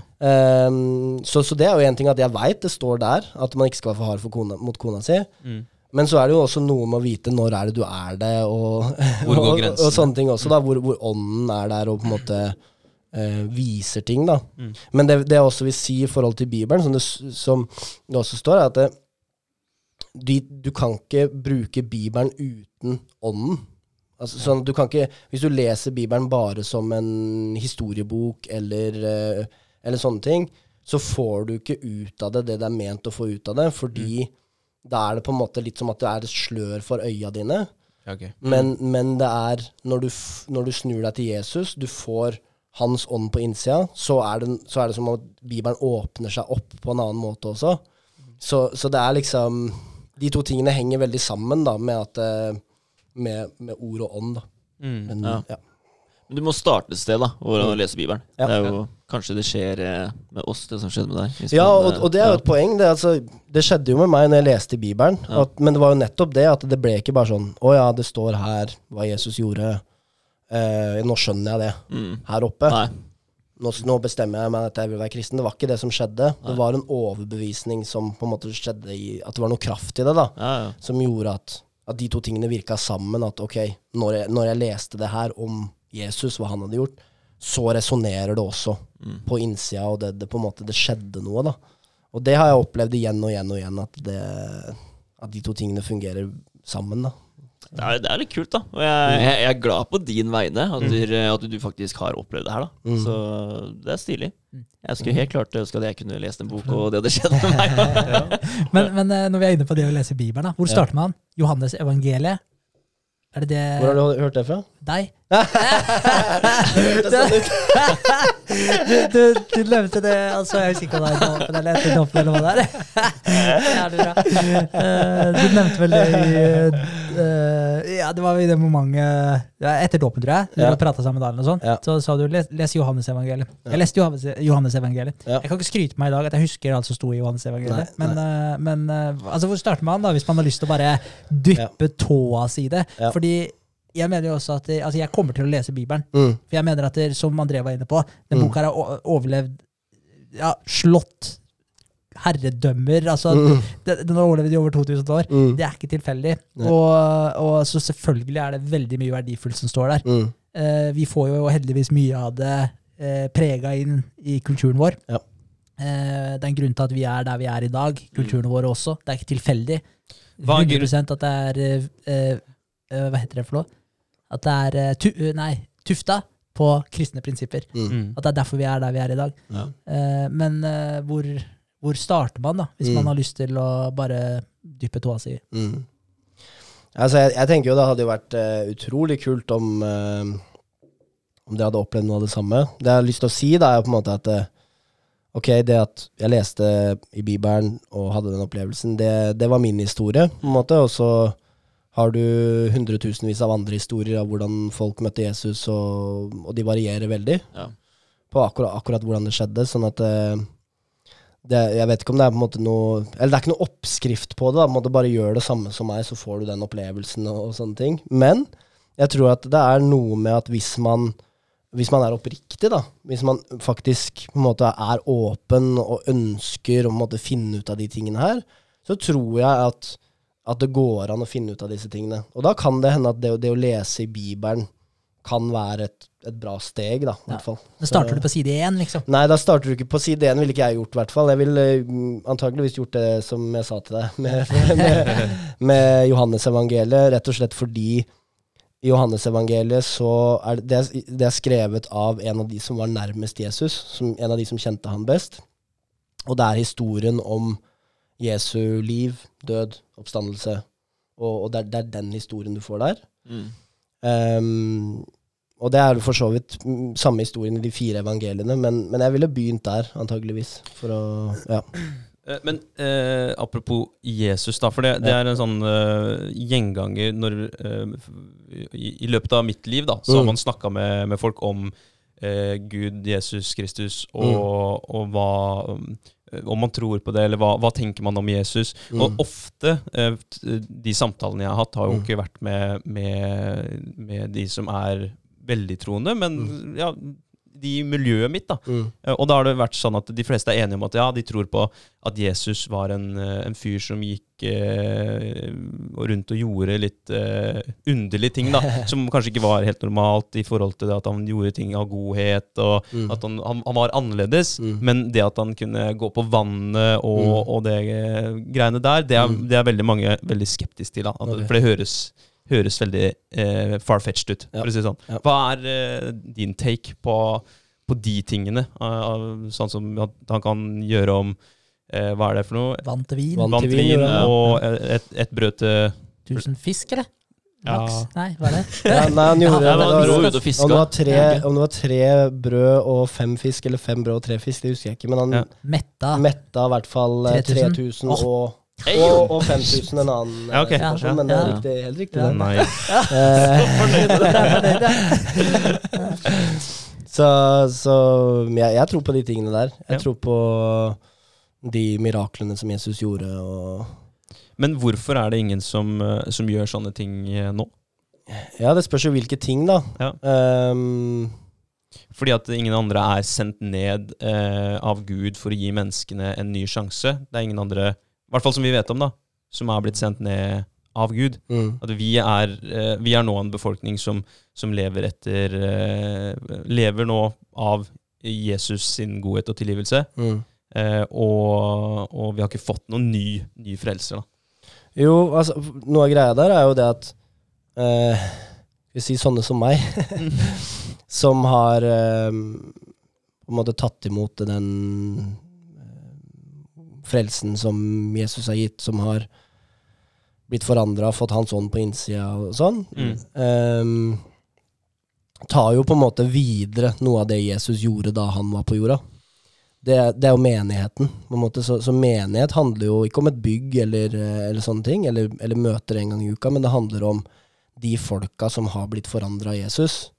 Det er menigheten. Mm. Og, og det er sånn han, han på en måte virker på jorda i dag også, gjennom folk som han jobber gjennom. Da. Sånn at det, så for eksempel så, så sånne ting som helbredelse og sånne ting, det, det skjer jo hver eneste dag. Og det skjer mirakler gjennom at kristne eh, går på det ordet som, som du finner i Bibelen. Så det står for eksempel at, eh, at vi skal kunne legge hendene på de sjuke, og så skal de bli friske.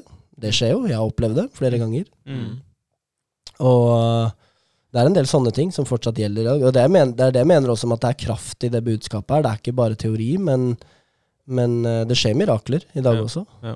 100% at det skjer mirakler, men spørsmålet Mm. er jo hva er opphavet, da? For vi Mm. hadde forrige episode, det var no no sebo. altså det Ja. handla egentlig om placebo. Ja, riktig. Og jeg tenker jo ofte at det er sånne type eh, mirakler, da, som, Mm. som det, at det eh, Ja, at det kanskje er en kraft at vi har den latent i oss sjøl, men at det til syvende og sist er en kraft alle har. At det Mm. ikke nødvendigvis har noe med religion å gjøre, Mm. men at det kan være, være med som en trigger på å trigge placeboeffekten Mm. i det. Men Det at kan vi, styrke kraften, ja. ja, At du, for du fokuserer mer på det. Ja, ja, og så Ja. tror du jo kanskje på det òg, da. Ja. Altså liksom at det blir en svær greie. Så, så, så da tenker jeg jo at det, det vil Det vi vet om placebo, så vil jo det styrke placeboeffekten. Så jeg tenker ofte at det er sånn, Mm. når det er sånn helbredelsesting og sånn, Mm. tenker jeg automatisk placebo, men så tilegner man resultatet til Mm. krist, kristendommen eller Jesus eller Gud eller hva det måtte være. da. Ja, men hvis du ja. tror at du blir, eh, at du blir frisk, så, så vil du føle deg bedre. Men hvis jeg går og tenker at faen, jeg kan gå på vann, så klarer jo ikke jeg å gå på vann. Så der er det ikke Nei. noe placebo som, Nei, eh, men- som er inne i bildet. Men jeg har ikke sett noen gå på vann heller, da. Nei, nei, nei. Ikke siden Jesus. det? nei men det, er, det er det var jo Men- spørsmålet mitt. Ja, Da. ja, det er det jeg mener. Men Ja. så, så de miraklene vi ser i dag, kan man tilegne placebo? Men et spørsmål der, da. Det med Ja. å gå på vannet. Hva hadde vært hensikten med at noen skulle gjort det i dag? Det har vært sjukt wow, da. Ja, annet, annet, enn at det hadde vært sjukt wow. Men eh, nei, altså, det er, det er jo ikke noe hensikt med det, da. Bare at du kan brife på fest. Nei, men, jeg, jeg, vet da faen. Nei, nei, altså. for noe av det poenget jeg vil til der, er jo at eh, selv om så jeg, jeg tror på at Jesus gjorde alle de tingene der, men jeg tror samtidig ikke at det, det er et poeng i at nå skal alle gå rundt og gå på vannet bare for fun, liksom. Nei. Men noe av det som er, faktisk er i den historien hvor han går på vannet, så er det jo at han, eh, ene disippelen hans, Peter, går jo ut og møter han halvveis. Han gikk Eh, han på vannet, da? han gikk også på vannet. Oh, ja, okay. Okay. Fordi han sier til Jesus eh, Ja, hvis det er du som er der, rop på meg, så kommer jeg ut til deg. Og så sier han ja, kom. Og så kommer han ut. Men sånn halvveis uti, om det er halvveis uti eller på vei tilbake til båten, jeg tror halvveis uti, så faller han gjennom vannet. Så han, han klarer det en liten periode, så faller han gjennom. Mm. Og så blir Jesus sur på han fordi han sier du som er du lite troende, liksom, og, og sånn. Ja, ja.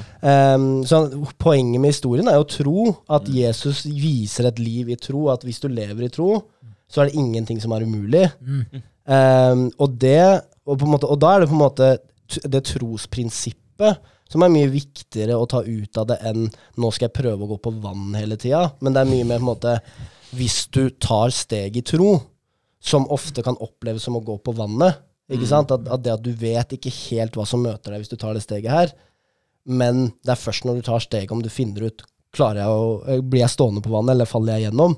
Som er på en måte overførbart da til eh, f.eks.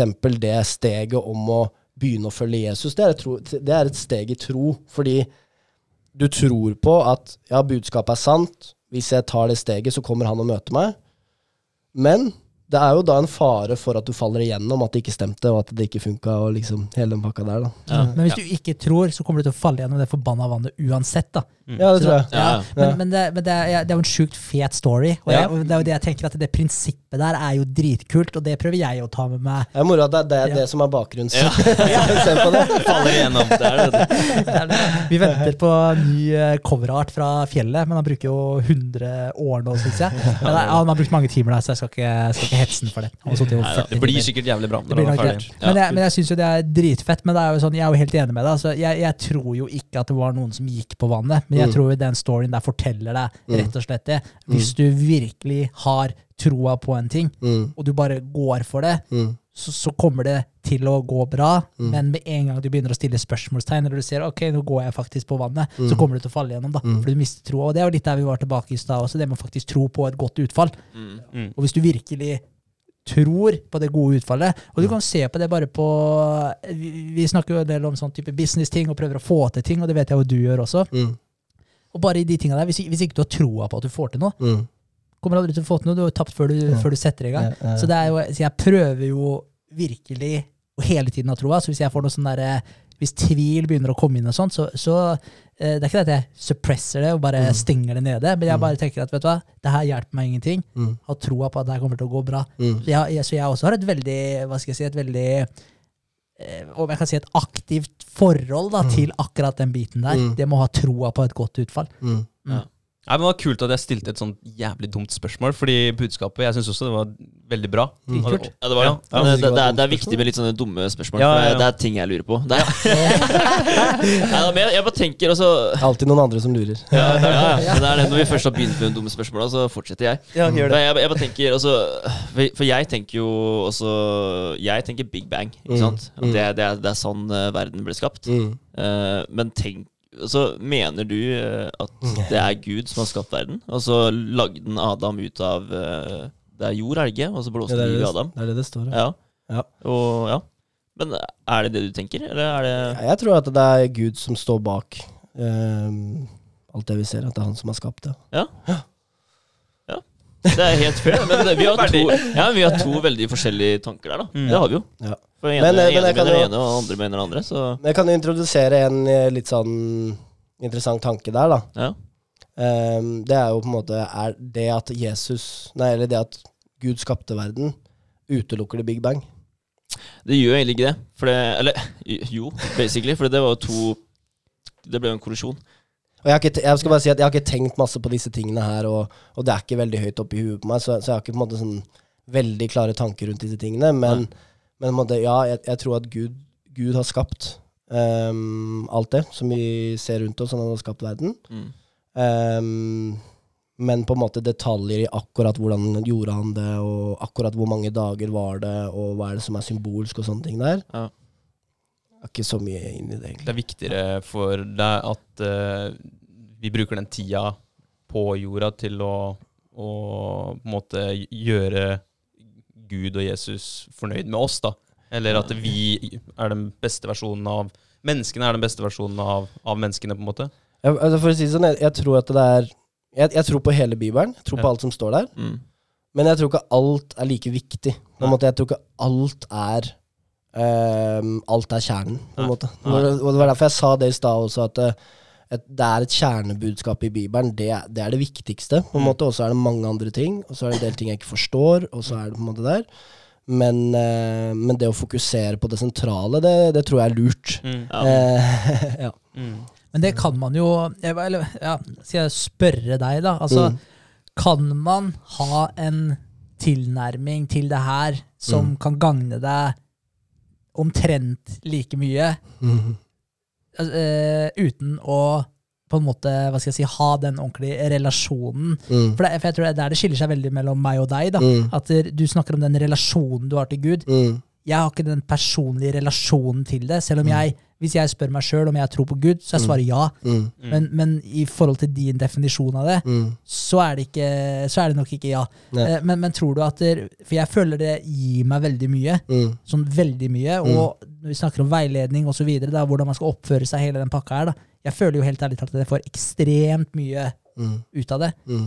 Men tror du eh, at man kan eh, oppnå tilnærma like mye uten å ha den relasjonen som du har? Mm. Eller tror du man må på en Mm. måte ha den Ja, det er et bra spørsmål. Jeg, jeg tror at eh, Eller jeg vil tro at det å leve etter eh, verdier, prinsipper fra Bibelen, er bedre enn å ikke gjøre det, Mm.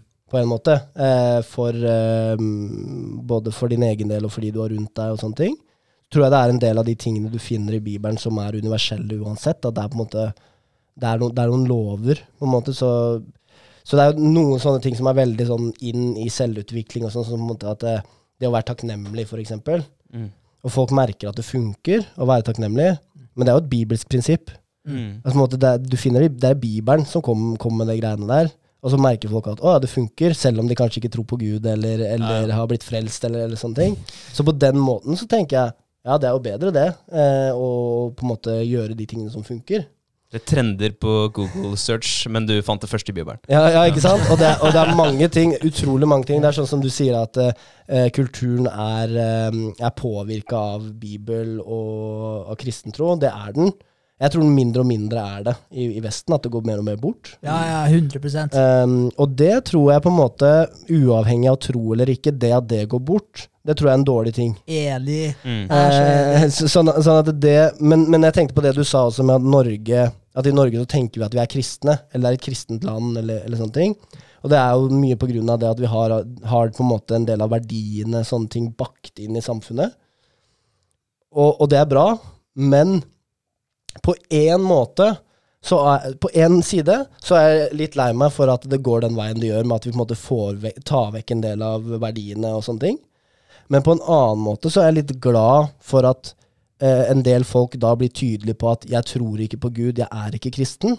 Fordi det er bedre å si det enn å tenke at fordi jeg lever etter verdiene, eller fordi jeg bor i et kristent land, så er jeg kristen. Mm. Fordi da har du på en måte vaksinert deg selv mot å faktisk få tak i frelsen, få tak i det som faktisk vil hjelpe deg. da.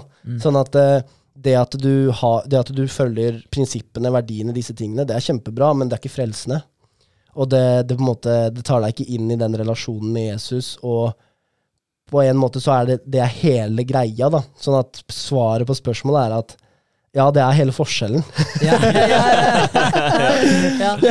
Sånn at, sånn at det kan høres ut som en liten ting, men, men ja, det er, det er faktisk hele forskjellen fordi ehm, Fordi måte, hvis vi ser at vi trenger tilgivelse, vi trenger frelse, vi får det ikke til på egen hånd, snur oss til Jesus, da får du tak i alt det han har for deg. Men hvis du måtte fortsetter å gå din egen vei, plukke litt her og der, ta verdiene sånn og sånn og sånn, så er det fortsatt du som styrer. Så er du fortsatt på en måte på den der veien hvor, hvor du ikke har fellesskap med Gud, men hvor du bare har tatt, tatt inn noen av de tingene i livet ditt. Da. Så, så, på en, så jeg har ikke lyst til å sitte her og si at ja, nei, men så bra at du lever etter de tingene, for da, da er du, da er du good. Jeg, jeg tror ikke Bibelen sier det. Hvis, hvis du leser Bibelen, så finner du tydelig at det er bare én vei eh, til frelse, til tilgivelse, disse tingene. Det er gjennom Jesus, det er gjennom det han har gjort. Og det er gjennom å måte slutte å eh, gå din egen vei og leve på din egen måte, men la han få lov til å bestemme. Det er, det er veien til frelse. Og så um, Ja, ja, ja, men det er bra svar. Ja. Så, så du får eh, Berger får, og jeg, da, Mm. eh, fordi jeg er egentlig litt i samme gata. mm, Berger får begrensa utbytte av eh, den retningen eller den veien han går nå, f- mm, med mindre han eh, overgir seg helt til eh, Gud og Jesus. mm, Fordi jeg er også litt der Jeg tror jeg velger ut og plukker ut litt rann, Mm. eh, fra, fra den, den kristne tro og Bibelen. Mm. Eh, og så eh, har jeg en eller annen greie med at jeg syns det er litt Jeg, jeg syns det blir ubehagelig å snakke om at jeg, Jesus skal inn i meg og sånt. Jeg vet ikke om det er bildene jeg får i Mm. hodet av det, men det, mm. ja, Jeg skjønner det. ja, ja, ja, Bokstavelig talt, altså synes jeg det jeg, Det er et eller annet jeg ikke klarer med det. Og, eh, men er det sånn at du ser på de som sier det, da? At eh, jeg, jeg liker å plukke ut ting Mm. fra Bibelen, det hjelper meg på veien og sånt nå. Mm. Eh, føler du at vi eh, er mindreverdig? Mm. Nei, absolutt ikke. Nei, nei, nei. Jeg, jeg synes, Men, men bare for å si det sånn, om du ikke hadde levd etter de tingene heller, om du hadde vært en satanist, ja, da kanskje så hadde jeg fortsatt ikke tenkt mindre om det. Nei, ok. Det er Sånn at- er sånn at, interessant. eh, Ja, det er jo disk. Mm. Sånn, for meg så er det ikke det det handler om i det hele tatt. Nei. Og jeg jeg blir rørt bare av å tenke på det, fordi, fordi um, Det er kult. Ja. Bare ta den tida Skal jeg du trenger. skyte inn, eller Ja, ja, bare skyt- bare skyt inn. Ja, bare skyt inn. Fordi, fordi det er litt kult, altså det med eh, Som vi var inne på i stad òg, at det er eh, Mm. prinsipper i dag kommer fra Bibelen, det med takknemlighet osv. Mm. Det kommer derfra. mm, Eh, rettssystemet vårt også. mm, Det er det ikke så mange som tenker på. Det er eh, igjen Jordan Peterson som har gjort meg oppmerksom på det her. Ja.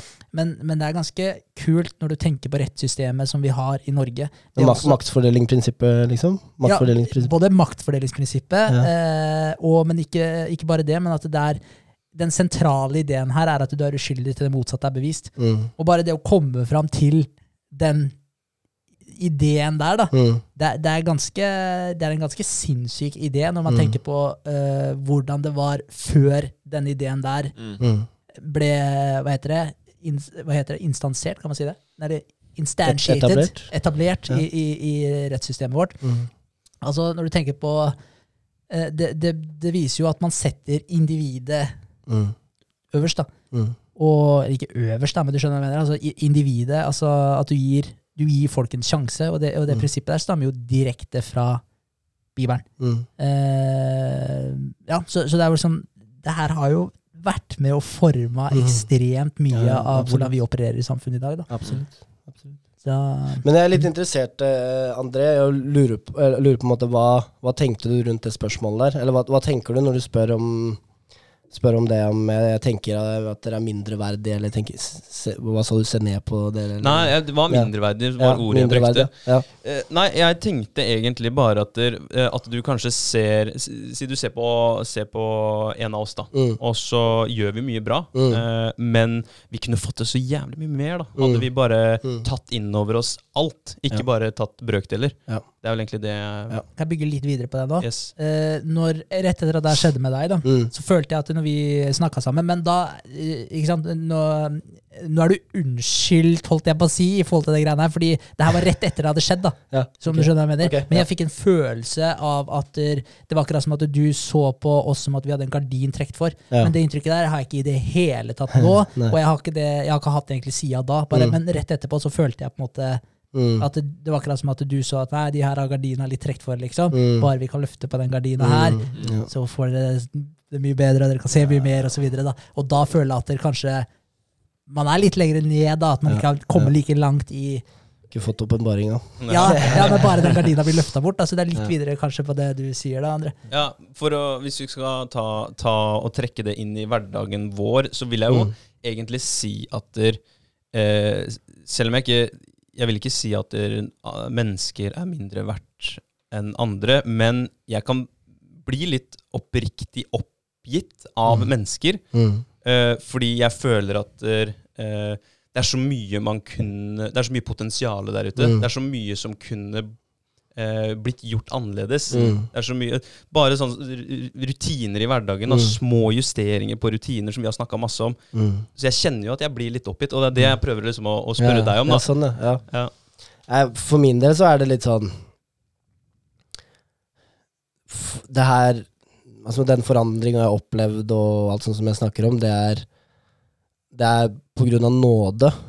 Vi skal på en måte introdusere det ordet, det ikke ord som vi bruker så mye, men det er ufortjent. Ja, det, er, det er et veldig heavy ord. Et Ja. veldig stort ord. Ja. Jeg tror ikke jeg har brukt det på mange år. Jeg. Nei, nei. Nei. Nei, ja, det, Bibelen bruker det mye, men jeg husker det også. Det var ganske nytt ord for min del. Men i hvert fall, det er det jeg opplever. At på en måte, det at opplever tilgivelse, blir forandra på innsida, alle de tingene, at det er ikke noe som jeg har klart å streve meg til eller fått til. Det er ufortjent. Og derfor tenker jeg på en måte også at så mange mennesker som er bedre enn meg på så mye, Mm. på en måte. Og, og det tenker jeg om dere også. Dere er jo kjempeflinke på veldig mye, og Ja, men Så det, handler ikke om å være mindreverdig eller ikke, men jeg tror bare at det um, Det å bli frelst, eller bli tilgitt, det å måte, ta imot det Jesus har gjort ved nåde, skjønne at dette får vi ikke til selv, men dette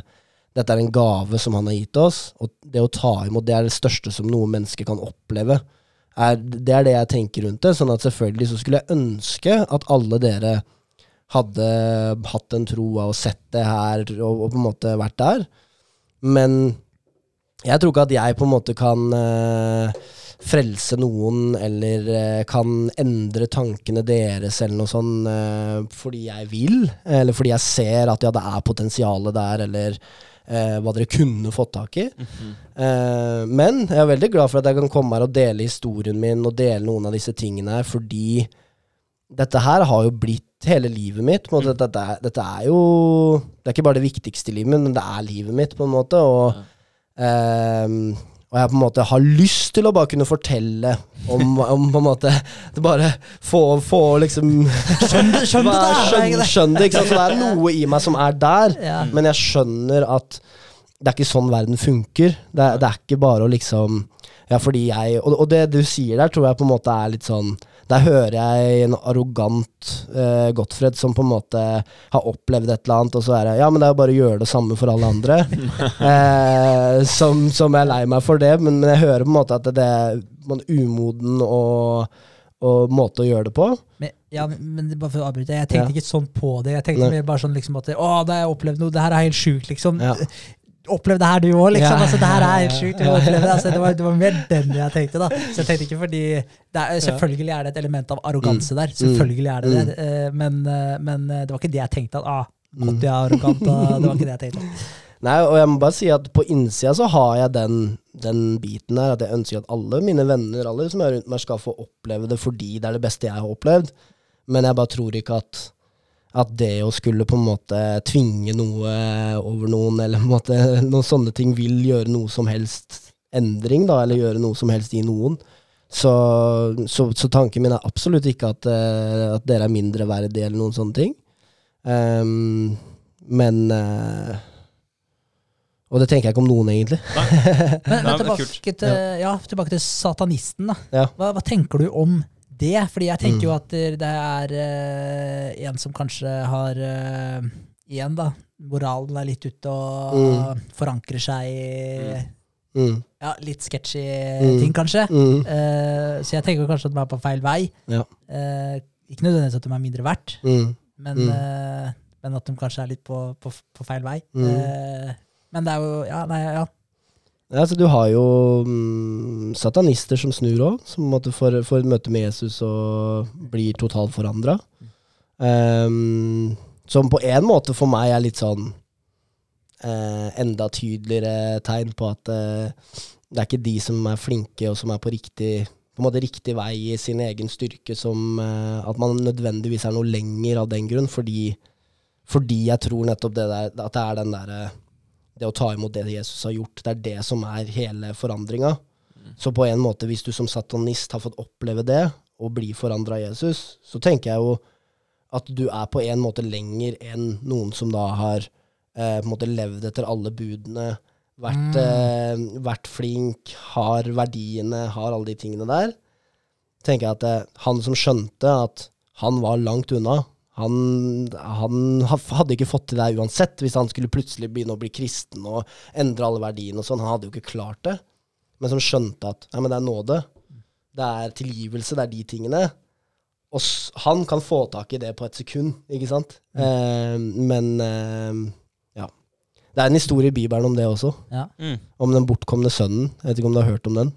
Jeg har hørt eh, den tittelen, men jeg har ikke hørt den. Ja, Nei. Jeg forteller den veldig fort, fordi den er interessant. ja, kult. Um, det er da en, en far, ganske rik far, som har to sønner. Og han yngste sønnen, han sier um, 'gi meg min del av arven', altså før faren er død. Um, som egentlig er veldig disrespect og sånn mot faren, men han spør om det. Faren gir han det. Og han drar ut og lever livet sitt akkurat sånn som han vil, med, med gambling, med horer, med alt mulig rart. ikke sant? Og så blir det hungersnød i landet, og han ender opp med å sitte i en grisebinge og prøver å få tak i maten fra grisene, men de vil ikke dele med han engang. Mm. Og så står det at han, han sitter der, så står det at plutselig så kommer han til seg selv. Så skjønner han at Så skjønner han hvor han er. Så tenker han Kanskje jeg kan dra tilbake til faren min, spørre om å bli en tjener. For han, jeg skjønner, jeg kan jo ikke være sønnen hans lenger, nå, det har jeg jo avskrevet, men kanskje jeg kan være en tjener der. De har det jo i hvert fall bedre enn sånn som jeg har det nå. Eh, så han bestemmer seg for å gå hjem. Og på veien hjemover så står faren og ser han langt borte fra. Og så kommer han løpende mot sønnen, omfavner han, tar på han en kappe, tar på en ring på fingeren på en måte, og sier vi skal ha fest i dag, slakt det der eh, beste lammet, fordi sønnen min som var borte, han har kommet hjem igjen. Og så blir det stor fest. Og det, og på en måte bare en detalj der, det å få ringen på, det er et symbol på at han blir reist opp som sønn igjen. da. Så han blir ikke bare tjener, men han, eh, men han blir sønn på nytt igjen. Mm. Så det er den ene siden av historien. Men så har du han eldste broren, som blir stående utafor når den festen her pågår. Og faren kommer ut, og så sier han eh, 'Skal ikke du være med på festen?' Og så er han ordentlig grinete, han eh, broren, og sier 'Her har jeg vært i alle år. Jeg har strevd, jeg har slitt for deg, jeg har gjort alt du ba meg om. Jeg har jobba på, jeg har vært flink. Og så kommer han hjem, han sønnen, som stakk av med arven, som var ute med horer, med gambling, alt det her, og som bare har pissa på deg. Men når han kommer hjem, så gir han fest og, og alt sånt noe. Og gir han kappa og ring på fingeren. Og så sier faren at eh, du, sønnen min, du kunne hatt fest når som helst. Men nå må vi feire fordi sønnen Eller fordi broren din som var borte, han har nå kommet tilbake igjen. Og så stopper historien der. Og det som er interessant, er at eh, Jesus snakker ikke til noen som kjenner seg igjen i han bortkomne sønnen nødvendigvis. Han snakker til de religiøse folka på den tida der. Han snakker til eh, fariseerne, på en måte. Altså de som kunne loven inn og ut, som kjente til alle Guds verdier og prinsipper, og som kjente til loven, og levde etter det så godt de kunne.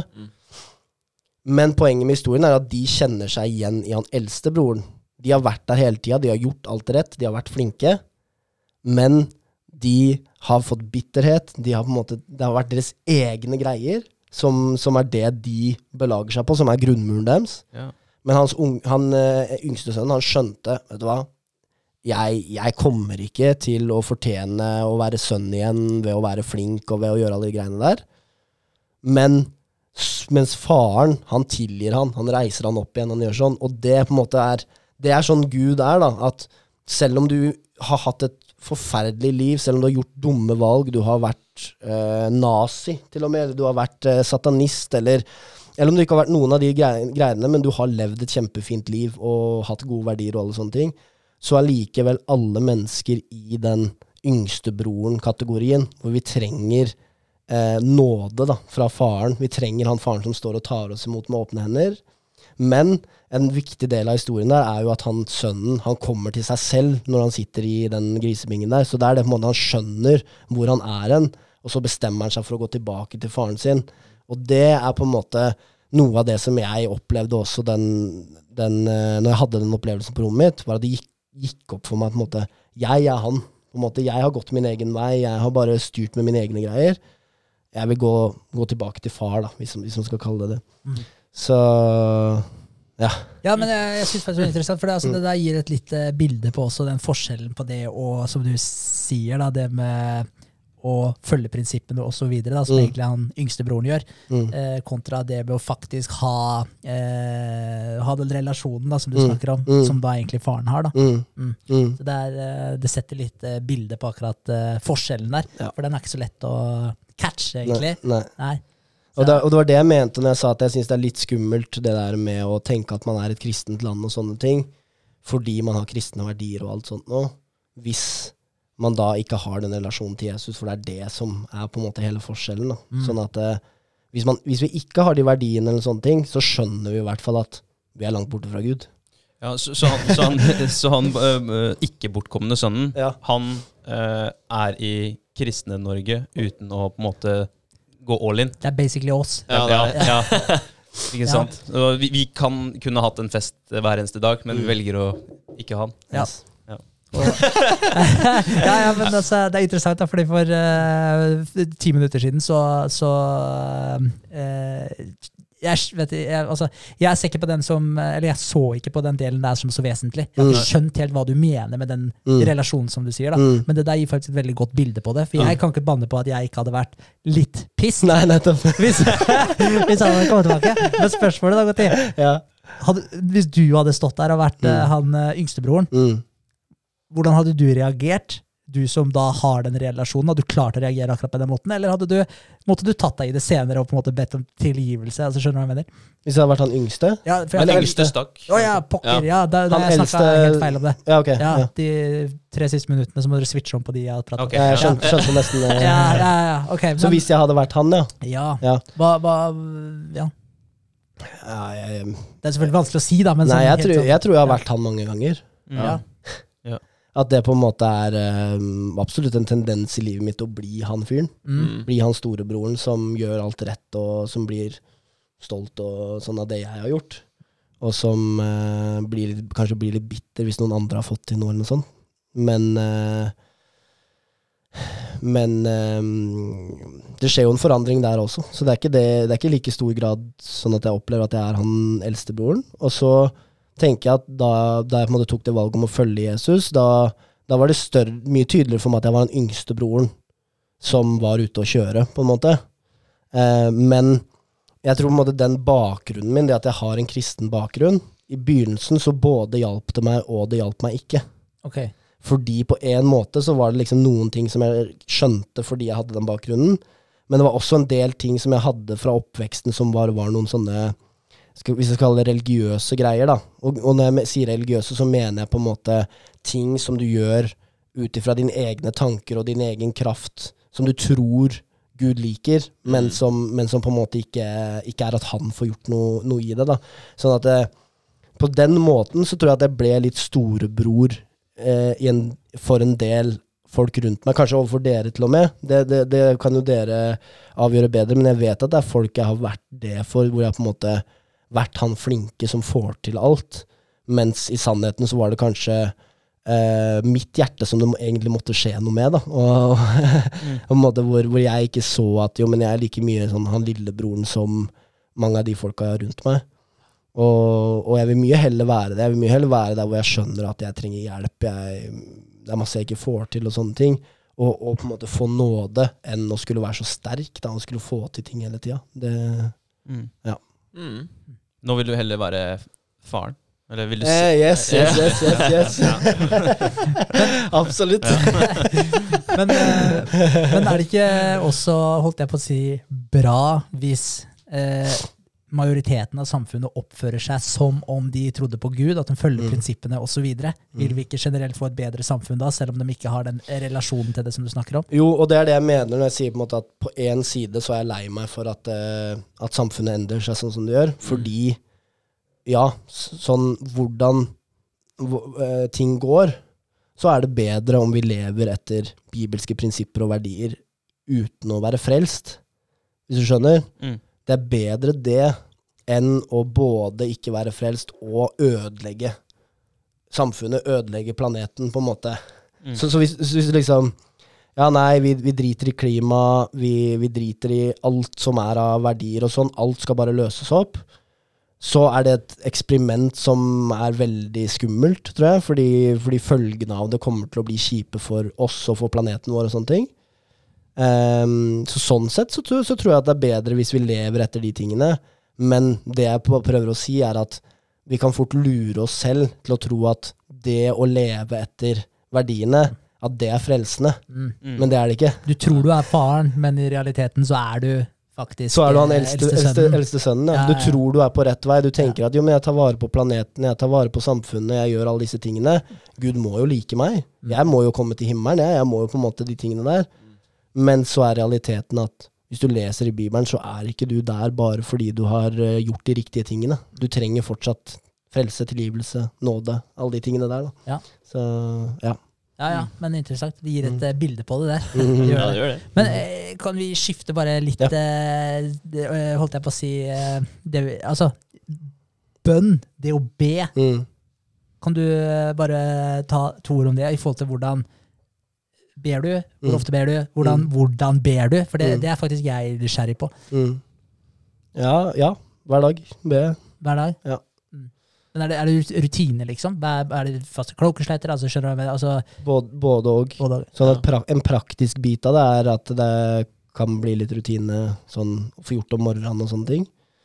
Men eh, hvis jeg ikke får gjort det, så, så er ikke det verdens undergang, det heller. Det, så det handler, for meg så handler det mer om å ha en dialog med han. Og dette også handler om relasjonen, ikke sant? Mm. Dette handler om at hvis det faktisk er en relasjon, så, så vil du tenke annerledes om bønn enn hvis det på en måte er du bare ber en, en eller annen bønn ut i universet eller ut i, ut i intet, og du forventer ikke å få noe svar eller noen ting. Nei, fordi du Ja. føler at det når fram. Ja, Ja. absolutt. Jeg tenker at Hvis jeg hadde bedt, så mm. hadde jeg hadde gått rett ut i løse lufta. Det hadde gjort. Ja, det mm, Men handler det om dine forventninger? I at du handler om dine forventninger? Du forventer jo aldri å få et svar. Nei, jeg gjør jo ikke det. mm, For jeg har jo ikke, jeg har jo ikke relasjon til, eh, til han. da mm, Men, men eh, Ja, for du ser jo fotballspillere hver gang de skal på matta og sånt, og Mm. så, så, så gjør de noen visuelle gester. Mm. Eh, er det liksom viktig? Ikke for meg. Nei, ikke for deg. Nei. Nei, nei, nei. For meg, så det er eh, Altså jeg tror at Hvis jeg hadde, hvis jeg hadde bedt en bønn, da, det, jeg, da hadde jeg nesten bedt litt til meg sjøl. mm, Mm. Ja, det tror jeg. Nesten sagt den til meg sjøl, da. mm. Ja. Så det er jo kanskje forskjellen. ja. Ja. Men, det, men det er litt gøy. Altså, visualiserer du også nå? Eller bare er det ord? Mm, Lukker du øya, folder henda, mm. den standard greia, liksom? Eller, eller altså, nei? Nei, altså det er både ord, men det er også å vente på en måte på um, å høre, er en, en stor okay. bit av det. Hvordan, hva mener du med det, holdt jeg på å si? Nei, at det, det, er, det er dialog, da. Så, så det er jo det at du har en relasjon hvor det er dialog, faktisk, hvor du kan forvente å få svar også på de tingene som du, som du ber om, og som du snakker med Gud om. Og. Men hvor høyt Så det er både- Det er både det, det, det er på en måte vente, det er synger, synger, Ja. til han. Um, ja. Ah. Men, men, ja. ja, men, men hvor høyt volum er det? Er det, det er, ja, det er, er det utestemme, innestemme, eller er det inni alt. deg? Ja, det er alt. Men, Men, altså, unnskyld, nei. Kjør på, Vegard. Hvordan får du, hvordan får du svar? Altså, ja, altså, hvordan får du svar? Altså, hører du faktisk en stemme? Mm, Er det en mørk stemme? Er det en lys stemme? Mm. Hvordan, eh, ja. Nei, det er nok ikke så takt, eh, teknisk, men eh, å høre på forskjellige måter. Ja. Så mm, Noen ganger kan det være på en måte få at det er en, en tanke på en måte som, som kanskje kunne blitt forveksla med Ja, dette er bare jeg som tenker, og, sånne Mm, ting. Men, ja. men ofte har jeg opplevd å på en måte da gå på den tanken, og så funka det, eller liksom sånne Mm. type ting. da Ja, ja.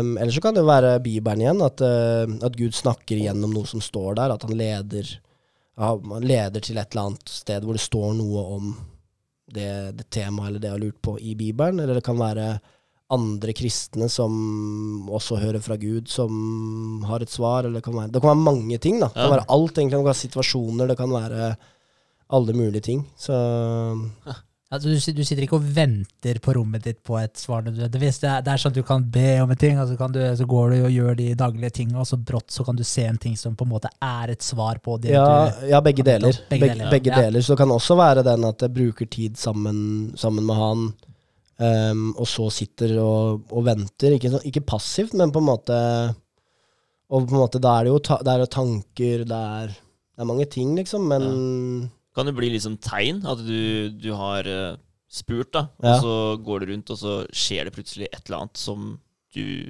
skjønner at ok, det her må faktisk Ja. bety et eller annet. da. Nei, ikke så ofte at det Nei. er eh, Sånn at det faller et løv, eller Ja, plutselig begynner stearinlys å brenne, liksom. Ja, nei, nei, det har jeg ikke Det er ikke, det er ikke sånn som regel.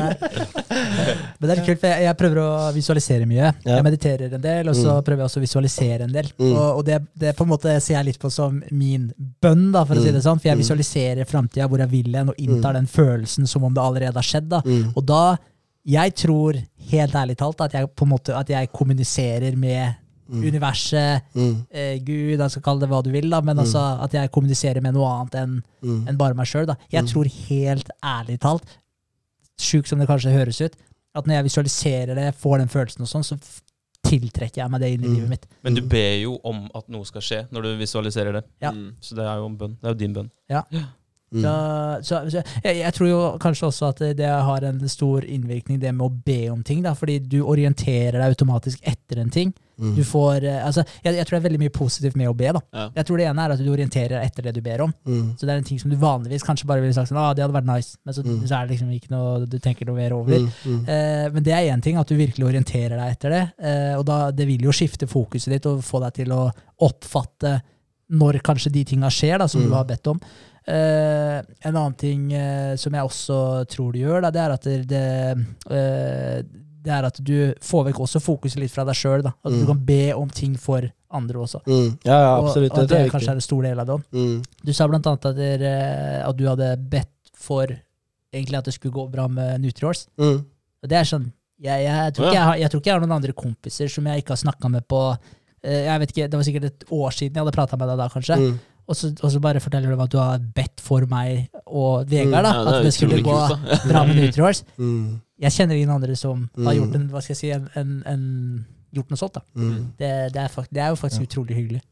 Ja, det var, og det var litt derfor jeg i stad også sa at jeg ble litt rørt når han spurt, stilte det spørsmålet, fordi um, for, Fordi altså, Nutrihorse, det Det er ikke sånn at jeg har veldig masse investering i det prosjektet nødvendigvis, men det er fordi jeg er glad i dere, fordi jeg bryr meg om dere, og ber for dere, og så vet jeg at ja, men Nutrihorse, det er en viktig greie for dere, på en måte nå. Derfor så ber jeg for det. Mm. Men, men det er det jeg på en måte mener at det, um, Ja, så det er en stor del av bønn, og det ber for vennene mine, de jeg har rundt meg, og, og sånne ting. Så, så det var på en måte bakgrunnen, bakgrunnen for det, da. Men uh, absolutt. Vise omsorg for, Ja. eh, for de rundt deg, liksom. Mm. Ja. Mm. Kult. Ja, fin greie. men, men det er på en måte Det er alt, og det er um, Så det er ikke bare liksom komme med noe smørbrødliste nødvendigvis heller, men det er um, det er, det er også en del av den relasjonen, byg, bygge relasjonen, bygge relasjonen med Gud. At det, litt sånn som vår relasjon, hvis vi, hvis vi kun snakker sammen en gang hvert tredje år, så er jo ikke relasjonen veldig sterk, på en måte. Men hvis vi hadde snakka sammen hver dag, så ville vi begynt å kjenne hverandre veldig godt. ikke sant? Og da hadde sikkert dialogen vår variert veldig ut ifra hvilken setting vi var i, og hva som skjedde, og volumet ville forandra seg, og på en måte alle de tingene der. Så det er ikke en teknisk greie, da. Det er, det er dialog med en, med en venn, kan du si, da, som, som utvikler seg også Ja. eh, over tid. Mm. Så, ja. Kult. Ja, det er kult. Det, eh, jeg vil bare spole litt tilbake, fordi eh, i starten så snakka vi om det med, med Guds forventninger eh, av oss, Mm. og at vi aldri innfrir de. Eh, jeg, jeg føler altså det kan være et, litt, litt sånn håpløst. da At Ja. man ikke Vi, vi klarer aldri å være, være bra så bra. være bra nok. Ja. Uh, så, uh, men hva, hva er tankene dine rundt det å på en måte sammenligne, eller ikke sammenligne, men å se på andre trossamfunn, andre Mm. religioner, buddhisme, hinduisme, Mm.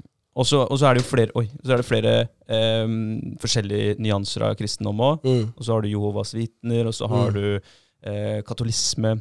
Ja. Og jeg er noob da, på Mm. religion, sånn eh, teknisk. Eh, men jeg har jo sikkert gjort den der giganttabba å sette folk i bås, sånn som Berge snakka om i stad. Mm. Men hvorfor klarer vi aldri å innfri Guds forventninger, og Mm. Hva, hva tenker du rundt de andre? Mm. Mm.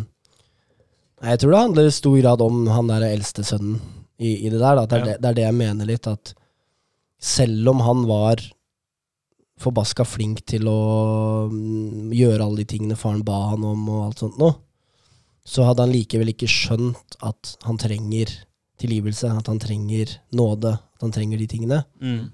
Og det, uansett på en måte religion, om du tror på noe eller ikke, om du er, på en måte kaller deg kristen eller ikke, så er, så er Skillet går ikke mellom på en måte hinduisme, buddhisme, eh, katolisisme, Jehovas vitner, de tingene, men det handler om eh, Tror du at Tror du at fordi du har gått din egen vei, fordi du er en synder, hvis du skal bruke det ordet der, som Bibelen bruker for så vidt, men, men det er litt ladd, er derfor jeg sier det.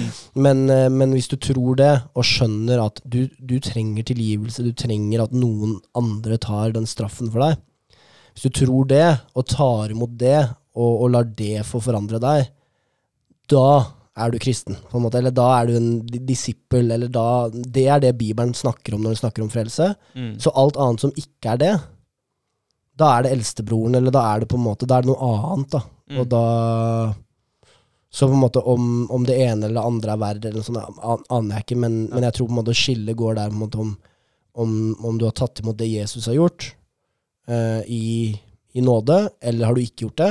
Det, det er den, den store, store forskjellen. Da. Men, men jeg tenker jo at i, forhold til det, da, altså når vi, bare for å spille videre på den, eh, de to brødrene og faren da, Mm. Jeg, jeg tenker at Hvis du hele tiden etterstreber altså Sånn som han eh, Nå blander jeg, vet du. Var det eldste, sønnen? Ja. Han var han som ble misunnelig eller Ja, han ble flinke. forbanna. Da, han flinke ja. ja, ja. Uh, hvis du er han, og så uh, får du den følelsen av misunnelse eller bitterhet, eller hva det måtte være, Mm. og så jeg, jeg tenker jo Han uh, får den feedbacken fra faren, og så kan han jo ta seg i det. Yes. Og da er jo på en måte Da er den jo litt på riktig vei, da. Jeg tar gjerne litt, ja. Eh, da er den jo litt på riktig vei. Mm. Eh, kan ikke da en person som ikke har den relasjonen Ikke sant? Det her, hvis jeg er tilbake til idealet, da. Mm. Eh, bare for å sette det i min egen situasjon. da. Mm. Så når, når jeg får den feedbacken da, av at øy, nå, nå må du skjerpe deg, faktisk, for nå Mm. ble du besudlet på det her. Det Mm. burde du ikke bli. Det her har egentlig ingenting med deg å gjøre. Mm. Og ok, greit, jeg skjønner den. Får det bakt inn den igjen i idealet mitt, Mm. eh, og, og bygge videre på den. Når du, har gjort, når du har på en måte hatt den prosessen der x antall ganger, da, Mm. tror du ikke da at du på en måte kan bli tilnærma lik faren? da? At når Mm. det kommer til det der punktet der på si om 30 år, da, hvis, hvis jeg på en måte har vært veldig rigid i, i disse beslutningene, at jeg hele tiden har tatt meg i det når jeg har tatt et feil valg, hele tiden oppdaterer den her, Mm. tror du ikke jeg tror det er null mulighet for å komme i nærheten av faren? Det enkle svaret er ja. Hva tror du? jeg, jeg, jeg, tror jo at, eh, jeg tror jo at det er mulig. At det, eh, kanskje ikke Kanskje ikke ja, Jo, jeg tror det er mulig. Jeg Mm. tror det. Fra mitt ståsted så tror jeg det er mulig. Ja. Men, eh, og du kan bruke Bibelen som en veiledning. Eh, altså, men jeg, jeg, jeg tror jo det er mulig å komme dit Mm. uten å ha den relasjonen, Mm. tror jeg. Mm. Men at det er noe du må jobbe med hele tida. Mm. For jeg jobber jo med det hele tiden, uavhengig av på en måte om jeg har den relasjonen eller om jeg ikke har det. Eh, så jeg tror det. Du er veldig flink. Ja. Nei da, jeg, jeg skjønner godt spørsmålet, men uh, ja, det er, det er litt derfor den historien har en åpen slutt, tror jeg. da At, eh, at det er ikke Historien er ikke ferdig nødvendigvis. Mm. Um, sånn at poenget med å fortelle historien er jo at de som hører på den, skal gjøre noe med det, på en måte, eller at det skal gjøre noe med dem. da Mm. Um, sånn at det er fortsatt en mulighet for å være med på den festen. uh, for, for eldstebroren eller på en måte for de, de religiøse lederne og sånn. Men poenget er bare at det er ikke gjennom de tingene som de har trodd der. Det å på en måte kunne alle lovene og reglene og, og, og sånn. Men at det er eh, det er av den faren sin nåde, da. At, det, at han kan komme inn på festen. Eh, Ja. ja. Og, det, og det går an å snu for han eldste broren og tenke at ok, selv om jeg har uh, streva og holdt på sånn, så trenger jeg fortsatt at det er eh, At um, Så trenger jeg fortsatt faren min, på en måte. Men jeg tenker jo kanskje at det er en, eh, altså en forskjell da. Så skal du bruke 40 år på på en måte Altså jeg tror du må jo kanskje gjøre det uansett, da. Du må Mm. altså det her er jo en eh, kontinuerlig prosess hvor man tar Det er jo som du sier, da. Du når aldri opp. Mm. Du må hele tiden ta valg. Mm. Noen av de blir feil. Du Mm. er nødt til å korrigere det og så skjerpe Mm. deg. da. Mm. Men det er jo kanskje litt eh, eh, Hvis jeg skal være devil's advocate mot meg Ja, sjøl, Ja. så er det kanskje litt den der med at du har kanskje ikke en like sterk sånn intuitiv sans da over hvilken retning du skal gå. Kanskje du fucker opp litt flere ganger da, Mm. hvis du har uh, min tilnærming kontra din. Nei, jeg vet ikke. Men ja, for, for spørsmålet ditt blir jo litt sånn at der, eh, Gottfred, kan jeg eh, nå opp til eh, det punktet uh, hvor jeg er frelst uten å bli frelst? Mm. Det er jo Ja, men det blir jo litt sånn at det, Ja. du, du kan ikke bli frelst uten å erkjenne det. Akkurat nå. Nå er jeg ja. Du har ikke fått ånden da? Nei, Kan jeg drikke vannet uten å drikke vannet? Mm. Det blir jo spørsmålet. ja, det går jo ikke. Du kan ikke det. Nei, Du kan det. se på vannet, du kan studere vannet, du kan kjenne vannet. Du kan stikke tunga kan i stikke vannet. ja, ja, da kjenner du jo litt på det. Men jeg mener du kan diskutere det opp og ned i mente, men Ja. det er ikke før du faktisk drikker det, at det gjør noe med deg. Nei. Det er da du får forfriskninga, det er da du får det vannet er ment å gjøre, da. Og det, Ja, nei, fair point. Ja. Fair point. Er, eh, jeg må, jeg må Ja. si det, da. Altså, nå har vi holdt på i to timer og 15 minutter. Ja, det har gått i, eh, veldig fort. Ja. etter det der Wim, Wim justere. Hof-greiene også, så det Ja. Men, eh, men jeg må si at jeg, jeg er veldig glad for at eh, vi får snakke med deg. Og Mm. veldig glad for at du, du kommer hit uten en eh, agenda og propaganda og sånt noe. Og gir oss veldig gode bilder på ting. Mm. Eh, fordi jeg syns de historiene vi har fått i dag, har vært Mm. kjempefine. Ja, kult. Eh, og, Det er Jesus som fant det på. Ja, det var ikke dine? Nei. Mic drop. Nei, men jeg, jeg, jeg, oppriktig, da, så, så syns jeg det her var, var veldig givende. Og eh, jeg, er ikke, jeg er ikke frelst nå, Mm. men uh, hvem vet? Hvem vet? Ja. Men en ting jeg tenker på på slutten, da, for Mm. dere er jo uh, liker jo å utfordre hverandre og, og sånne ting. Kommer det en Ja, det ja, Er det kapitler? Eh, jeg litt, teller litt på knappene på hva den skal være, men, eh, Jeg er åpen for en challenge. Ja. Ja, ja, ja, alltid. men, men jeg tror kanskje den challengen jeg vil uh, på plukke opp i forhold til det vi snakka om Forhold, ja. Ja. Det er det du spurte om med bønn. Mm. Sånn at det som vil være utfordringa mi til dere, det er å be en bønn, ikke inni deg, men ut, Mm. Hvor du oppriktig Hvis du kan være oppriktig i det, da, selvfølgelig. Mm. Eh, ber Gud om å vise seg for deg, hvis han faktisk er den han sier han er, og, og hvis han faktisk finnes. Og det- Oi. Den Det, er- det kan ja. bli spennende, da. Vi, vi liker å ha litt sånn tall og sånt. Hvor mange, hvor mange ganger skal vi gjøre det? Nei, nei ba, det er bare ja. Er- Men du må bare mene det, da. Ja, Altså, du skal skikkelig spørre om det. Ja, Det er det som blir utfordringa. Ja, det er det Ja. som er utfordringa. Så du kan si ordene, men hvis dere på en måte tenker etter den praten her at hm, kanskje kan det finnes noe mer sånne ting Uansett. Mm. Um, og be den bønnen oppriktig, og se hva han gjør. Se om fakt kommer, skjer det noe, faktisk, hvis, dere, hvis dere gjør det. Det er min eh, challenge til dere. Ja, Ja. fett, jeg, jeg skal ta den, jeg skal, men da må jeg gjøre det når jeg, når jeg er på en måte Når jeg føler at det er riktig, sånn at jeg kan Ja. ja, Så ikke det bare blir at du babler, babler Helt i ord. Da. Ja, Helt så jeg kommer sikkert til å bruke litt tid på det. Ja. Men jeg skal, jeg skal gjøre det. Hold hverandre ansvarlig på det neste uke, da. Ja, det skal vi gjøre. At, om dere har gjort det. Ja, ok. Ja, men Ja, da, må vi, da må vi ha gjort det Innen innen, en uke. Ja. en uke og to dager. da For Ja. det blir mandag, eller åssen er det? Trenger ikke mer enn en uke, en uke for å komme i riktig stemning. Nei, nei, nei. nei, nei. Nei, nei, Det skal vi klare. Vi, vi klarer det. Ja, men det er, en, men, det er en annerledes challenge. Ikke sant? Ja. Ikke sant? Ja, vi, vi tar den. eh, vi tar den. Ja. Kult. Fett. Det, det er jo litt skummelt òg, da, for Mhm. hvis han faktisk viser seg, så forandrer alt seg. Det er akkurat det. du. Altså, alle tre kommer til å ha det i bakhodet. Så er det sånn Klarer ikke helt Du klarer ikke helt å enig? Nei, nei, men fuck jeg, skal, jeg skal gjøre mitt ytterste for å ikke, ikke sitte med noen baktanker om at ja, ikke, ikke ha den vaksina som du var inne på. Ja, så det skal jeg gjøre. Men jeg vil også avslutte. Jeg vil si at det, det, altså, Vi har sittet i to timer og 19 minutter. Altså, det, er, det, er en, det har vært en sykt eh, Jeg har ikke kjent meg et eneste sekund. Jeg Så det bra. Ikke. Det er utrolig mye spennende å høre på her. Mm, Altså, Det er, er det, og jeg, jeg har, uh, syns det har vært veldig ålreit at du har vært her, ja. Så jeg håper, at vi, jeg håper jo at vi kan gjøre det her en gang til i framtida. Ja. Fordi det er jo 100 ting til jeg skulle ha spurt om her. Ja, jeg kjenner det sjøl, jeg. Jeg har ikke lyst til å bryte inn, fordi dialogen er så fin. Liksom. Det, er, eh, det er bra. Hjertelig takk for at jeg fikk komme. Ja. Tusen takk for i dag, boys. ja, takk for i dag. Vi ses Det gjør vi. om en uke og om en stund. Ja. Fett.